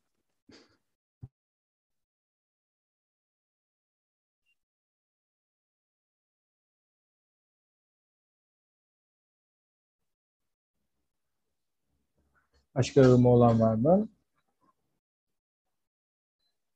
Ben sadece şeyi soracağım da bir kere daha ilk kere. Yasa olmadan ihlali nasıl konuşabileceğiz? İhlali nasıl gündeme gelecek? Ben onu ona dair bir soru yöneltmek istiyorum. Yani yasa bir daha alabilir miyim?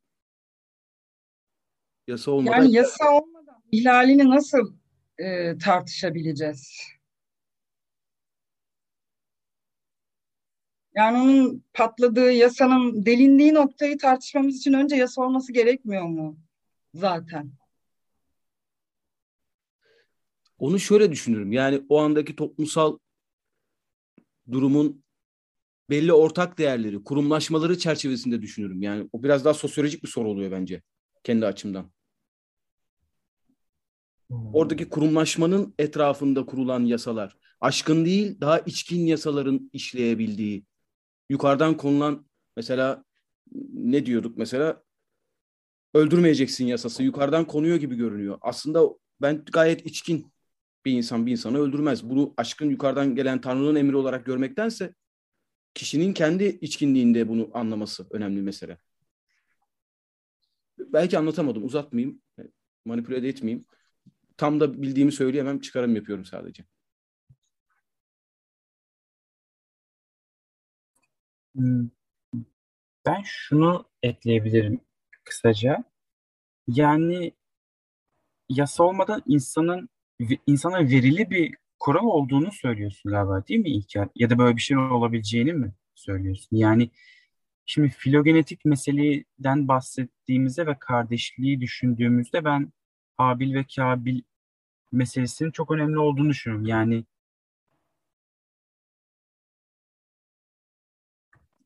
mesela düşlerin yorumunun düşlerin yorumu 2'de Kabil düşlemi diyor Freud. Yani burayı tam açamıyorum çünkü bulamadım orayı. Bir not olarak almışım. Kabil düşlemi diye bir şeyden bahsediyor. Dolayısıyla bu bölüm için bence e, Habil ve Kabil meselesi de çok önemli olabilir. Ve bence verili bir şey. Senin bahsettiğin anlamda bir şey olduğunu e, düşünmüyorum. Yasadan önce olan yani.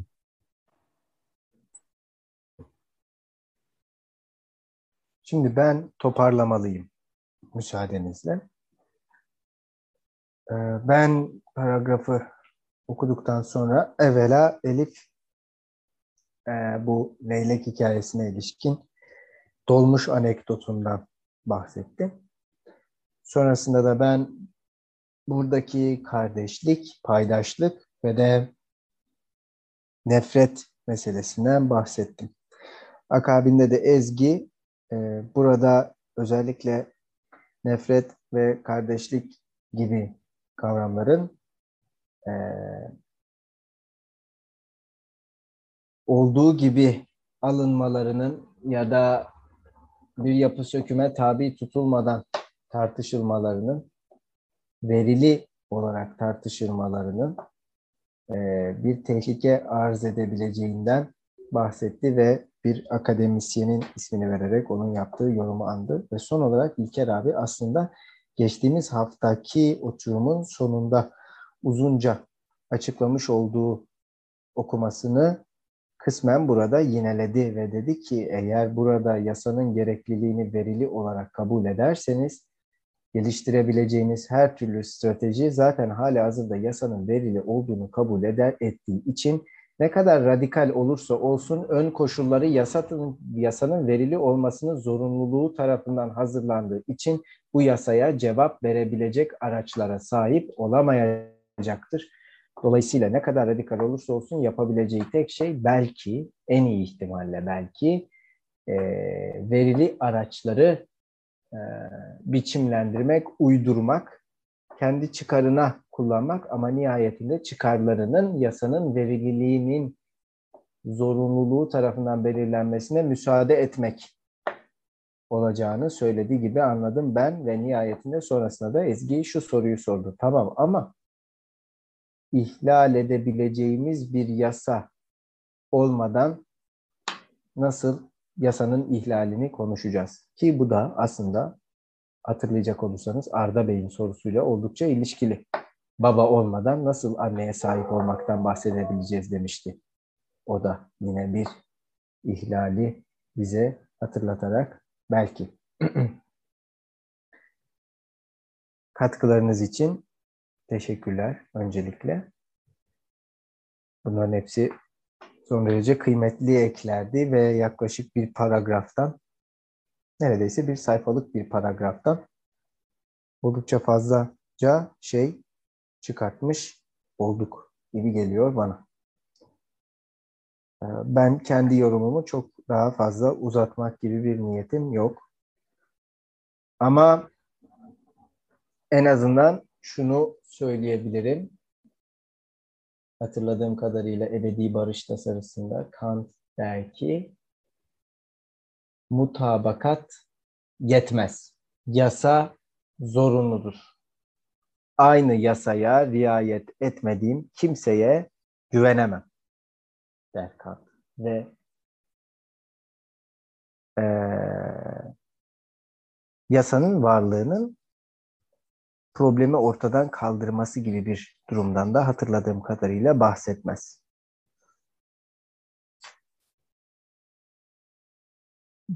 İlker abi şöyle söyledi. Dedi ki yani hani bir başka insanı öldürmeyeceğim işte. Bunu anlamak için yasa ihtiyacım mı var? Öldürmeyeceğim işte. Çok benzeri bir çıkış. Ben lisansta bir derste idik o zaman. Yine böyle toplumun genelini ilgilendiren bir problem idi. Söz konusu olan tartışma. Ben de işte hepinizin tanıdığı bir hocaydı. Dersimizin hocası. Ona dedim ki yani gerçekten yasaya ihtiyaç mı var? Gerektiği gibi edimde bulunmak için. Gerçekten bunu bunu bu eylemin koşullarını değerlendirmek, yapılması gerekeni yapmak, tartmak için yasaya ihtiyaç var mı? Hani neden bu bu bu bu neden bu çok basit bir şekilde bu şekilde olmuyor? Çünkü böyle olmuyor yani demiştim. Sonra bana kendisi yasanın yine de zorunlu olduğundan bahsetmişti. Yani yine de yasa gerek, yine de yasa gerekir demişti. Bence yine de önemli bir ifade. Yine de yasa gerekir. Önemli bir ifade. Ama en nihayetinde burada tabii Batuhan da altını çizdi ama e, burada yasa dediğimiz şey daima Freud'un işte Oedipus ile kategorik buyruğun, kategorik emrin ilişkisini tartışıyoruz ya sürekli. Yine de oraya bir bakmak lazım. Mesela kategorik buyruğun biçimselliği belki bir tartışma konusu olabilir. Kategorik buyrukta da bir biçimsellik var ya. En nihayetinde psikanaliz şey işte psikanalitik işte de hep bir biçimden bahsediyoruz. Bu önemli bir hadise olabilir. Umut ya da umutsuzluğa gelince benim yorumumda ne umut ne umutsuzluk vardı. Ee, çünkü bu konuda hiçbir fikrim yok. Çok basit bir şekilde. Hiçbir fikrim yok yani. Ama şahsi fikrimi soruyorsanız herhangi bir konuda hiçbir zaman hiçbir umut taşımıyor. Ama öyle psikanalitik bir yorum değil bu. Hiçbir beklentim yok yani. Hiçbir şeyde.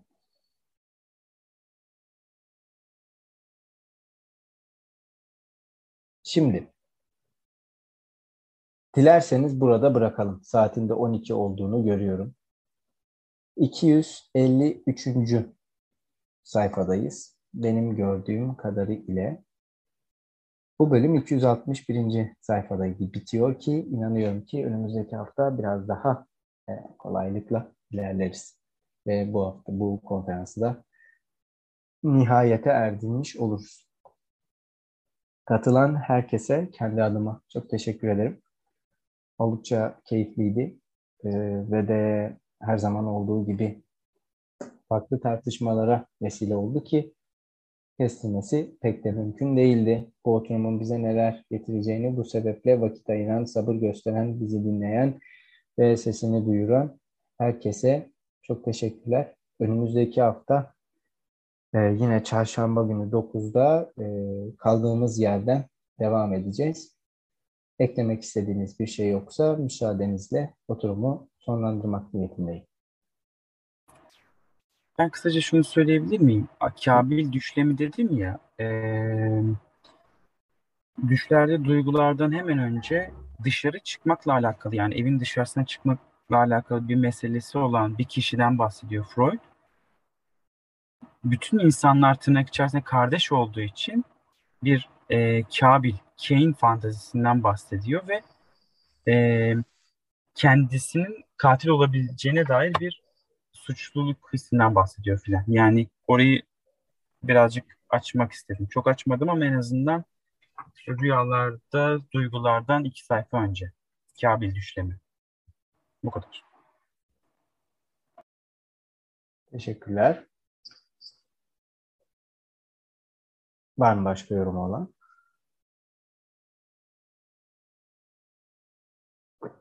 Pekala. Katılımınız için hepinize teşekkür ederiz. Müsaadenizle yeniden oturumu kapatıyorum. İyi geceler dilerim hepinize.